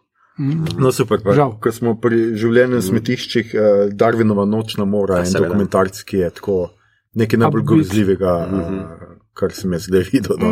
Tisto je res uh, grozljivo. N- Ne, ni. Uh, priporočam uh, We Feed the World, avstrijski dokumentarec. Aha, okay. Tiste full hujš. Ja, no, sej. Definitivno okay, je to ni, hudih. to ni tekma do dna. Ja, ja, ja. To ni zmagovalca. Tisti, tisti hujš, ker je postavi, kak globalni problemi jih povzročamo mi. Mm. Ker Darwinova nočna mora ti pokaže, kako nekdo uniči nekje nekaj čudovitega ne? in, in je res hudo. Ne? Tukaj pa pač se začne štorija, en del štorije recimo z otroci, ki so lačni, ki mama kuha kamenje vsak večer, dokler ne zaspijo, ker nima hrane. Hrane nima zato, ker je erozija odnesla zemljo. Erozija odnesla zemljo. Zato, ker so pragost posekali, da so sojo sedili in potem pač oni še fulgnojila in oni tudi nimajo tiste vode, nič iz dvere, v kateri kuhajo kamenje, ki ga pol bi najedli. In potem pač tista soja jo pač uh, poberejo, dozori, ne, jo dajo na lad, na tvornjake, odpeljejo v pristanišče, da na ladje odpeljejo preko oceana. Dajo na en drug tovrnjak in na tistem tovrnjaku piše Štajermark, Grun, Herz, Evropas in prepeljejo tisto čez pač pol Evrope in dampnejo pujsom, uh, da jejo tisto sojo, da Oh, imamo mi svinino. Lovely. Ja, kolega vegan. ne? Ja, soja um, je zelo druga stvar. Ja. It's a circle of life. um, ja, super. Um, rubrika, kaj gledamo, beremo, uh, poslušamo, špilamo sledi. Upam, da imamo kakšne bolj optimistične. Uh, Alenka, t- ponovadi imajo gostje, prednost si kaj brala, gledala. Poslušajo zadnje cajte. mene zdaj eh, ta referendum tukaj um, preokupira, da imam blazno slabo vest, ker zelo, zelo slabo, oziroma nič ne berem, Hmm. ker enostavno ni časa, ampak se veselim. Ker po 11. juliju uh, pa bom imela čas, ko grem na dopust in imam shranjeno um, ta zadnji del od Ferrante, da bom brala Aha, na no. morju. Ja. No, najprej se Če seveda- to spada v žanr. Seveda. Seveda. Ja. Najprej se seveda kakšen dan, dva zračuni, da bomo žurali, ker bomo Ja. dobili referendum, absolutno. Ne samo zato, tudi jaz sem rojsten dan en dan po referendumu. Aha, no, tako da okej. pač bomo vse združila in to bo kar rakija, po moje. Ja, to, to, bo je pa, to pa Ja. se mora kozarci razbijati. Da, Tule pa kar, kar na DVK piši, da pričakuješ darilo in da to. ja, in da če je to lahko rakija. Uh, skratka, um, Igor, potem si ti na vrsti, tako No, okay, tradicija, ja. tradicionalno. Uh, Prejšnjič sem pozabil omeniti, ampak ste mi tako rekli, da bolj pa še tematsko tu not hitri in drzni devet. Ja. Uh, ja, ja, je hitri in drzni film, definitivno in je deseti od teh filmov, ki sem jih videl in je v redu, kar se tiče tega. In uh, spoiler, uh, gre v vesolje, uh, kjer povozijo satelit. Uh. In povzročijo dejansko. Torej, začetek filma Gravitacija, ampak o tem pol ne govorijo. uh, s tem, ker tako čist rasujejo, tisti satelit bi se točno to zgodilo. Um, ampak uh, je full familija in, in to, in uh, je še dli staronje nazaj. In, gled, če, če hočete gledati Fast and Furious, gledajte tudi tega, čist toliko vredno je kot vsi ostali. Prej, uh, ni toliko dober kot peti film, ampak v bistvu bojo si že enkrat prišli do tega. Drugače sem pogledal, pa No, novo zadevo uh, na Netflixu, Bo Burnham Inside, uh, ful priporočam. Bo Burnham je, je igralec, scenarist, komik, m, še en kup stvari. Uh, večina ga pozna, najbrž pa iz uh, filma um, Mladenka, ta je obetavna mladenka, Mhm. kjer igra njenega fanta. Mhm. Uh, tole pa je projekt, ki ga je on naredil v uh, lockdownu, kjer se je odločil, da bo naredil nek special, nek svoj nastop in ga snema v eni sobi. In tekom tega leta ti vidiš, koliko se mu kisa počasi. Koliko je pač frustracije od vsega, ko ima vedno več brade in bolj dolge lase, in vedno bolj insane komade piše, večina temelji na pesmih, ampak so zelo dobre pesmi, uh, komične. Uh, kot najbolj izstopa vsekakor uh, White Woman z Instagram, ko opisuje krasno nebo, neke cute zadeve, psiček, ali so to nebesa, ali je to zgolj uh, White Woman z Instagram. Uh, Oh, zelo dober humor ima uh, in, in hkrati pač to, koliko prikaže eno stisko človeka, ki je zaprt toliko časa, ki ima vmes 30. rojstni dan, Mhm. sam, ne, um, full vredu naredi tako zelo cajtgeist scena. Uh, in gledal sem še malo uh, tele, ja, šef, uh, poje serije z zrnecem v glavni vlogi in. Uh, In? Maja, Ne. Maja. Uh, od dvoje serij mi je še vedno najboljša druga sezona v dvoje, pa uh, vse punce mojega brata. Tale je ok, pozna se, da je narejena po ruskem templetu, tudi zato, ker so samo malo omilili šovinizem in rasizem, uh, ki je dost inherenten ruski uh, kulturi. Tu niso ga pa čist uh, se znebili. Uh, v prvem delu imajo ene stereotipe v Indicih, ki so kar malo krinži. Ja, se veš, kaj pravi veliki filozof Putin. Sreča je iluzija. Indija tudi. Mar se kaj iluzija v Rusiji. Ja. Um, hvala, Igor. Uh, Mito, si ti uspel kaj pogledati? A, da je zaključil sem hands, Handmaid's Tale. Um, it's good. Okay. To je to. Zadovoljni si. Uh, ja, sem bolj, sem zadovoljen. Ja. Um, mislim, da so šli na zelo zanimiv način nekam, kjer s, nisem imel visokih pričakovanj. Um, maksimalno, kar sem pričakoval, da bojo vsaj ohranili del uh, tretje ali pa zanose druge, pa prve, ampak so mislim, da šli korak dva dlje, uh, da so se malo pobrali in se veselim naslednje, ker uh, ta šit. It got serious. Uh, okay. Na zelo, mislim, tudi uh, zdaj so že začeli rezati malo like ven. Uh, da, Ne končno. samo njihove prste.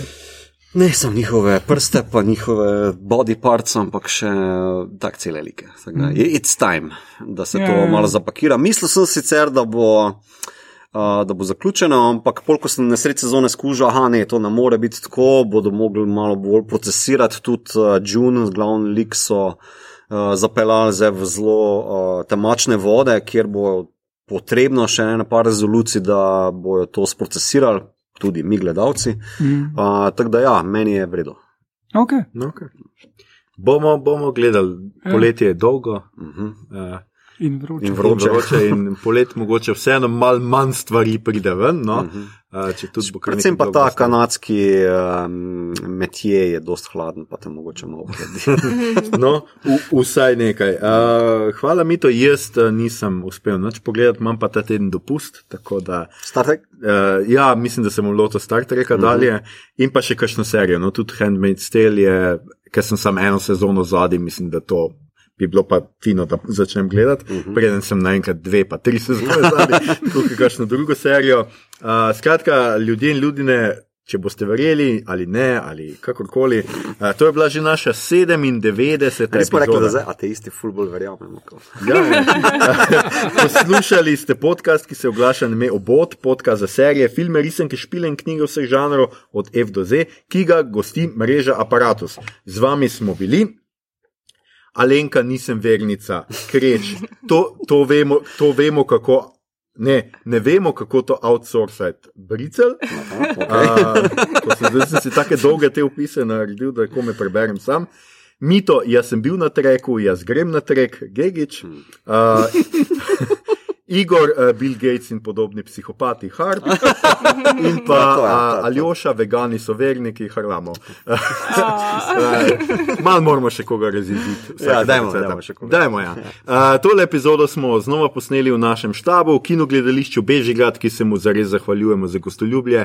Upamo, da ste ga že kaj obiskali te dni. Če ne KGB, pa vsaj lokalni kino ali kinocenter, odprti so cinepleksi, uh, Kolosej tudi tudi. kolosej je odprt. Uh, Skratka, kino Bežigrad pa seveda poleg kinodvorane, večerje pred filmom, ponuja tudi drive-in kino, kamor se lahko zapeljete. Vsako sredo pa zdaj čez poletje gostuje tudi na strehi Aleje in iz lastnih mm. izkušenj vam povem, pejte v petek karte uh, iskati že kakšno uro prej.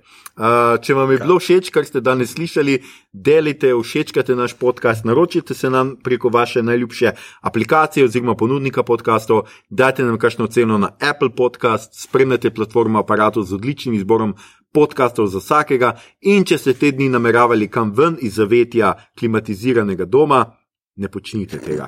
Ostanite doma, pojdite ven zvečer, nabavite dovolj hladne pijače in sladoleda, ostanite doma vsaj do 11. julija, ko bo referendum proti noveli zakona o vodi, še prej pa pošljite, delite, dajte poslušati tole epizodo vsem, ki še vedno kolebajo, ali naj se referenduma sploh udeležijo ali ne. Mi jih bomo skupaj z gostjo gotovo pripričali. Mm. A, na Twitterju nas najdete kot adpodcastobot, na Facebooku in Instagramu smo kot podcast s KM, obod brez pikic, tja delimo rajcere, prikolce, novice iz sveta žanra in druge zanimivosti in tja lahko usmerite vsa vprašanja, pripombe, komentarje, predloge za filme katastrofe ali pa samo katas katastrofalne filme, predloge, kaj bi za vas pogledali naslednjič. Tole je bila že 97. epizoda, samo še dve epizode do jubilejne stote, naslednji teden 98. epizoda, zadnja redna epizoda tretje sezone, ki bo posvečena B-filmom o morskih psih, ki imajo morske pse v naslovu. To je zelo pomembno. Uh, gostja bo Maja Peharc, ki rada gleda treš. Uh, vabljeni, da nas poslušate. Kot že rečeno, poleti načrtujemo še dve specialni epizodi, tako da ne boste dobili še domotožja za nami. Julijska naj bi bila posvečena Črni vdovi, avgustovska že omenjena jubilejna stota epizoda, pa seveda seriji Star Trek The Next Generation. Predtem naj bi celo gostovali na Grossmanovem festivalu v živo. O vsem boste pravočasno obveščeni, če spremljate naše omrežja, do takrat pa le osta, ostanite zdravi in se poslušamo. Hmm.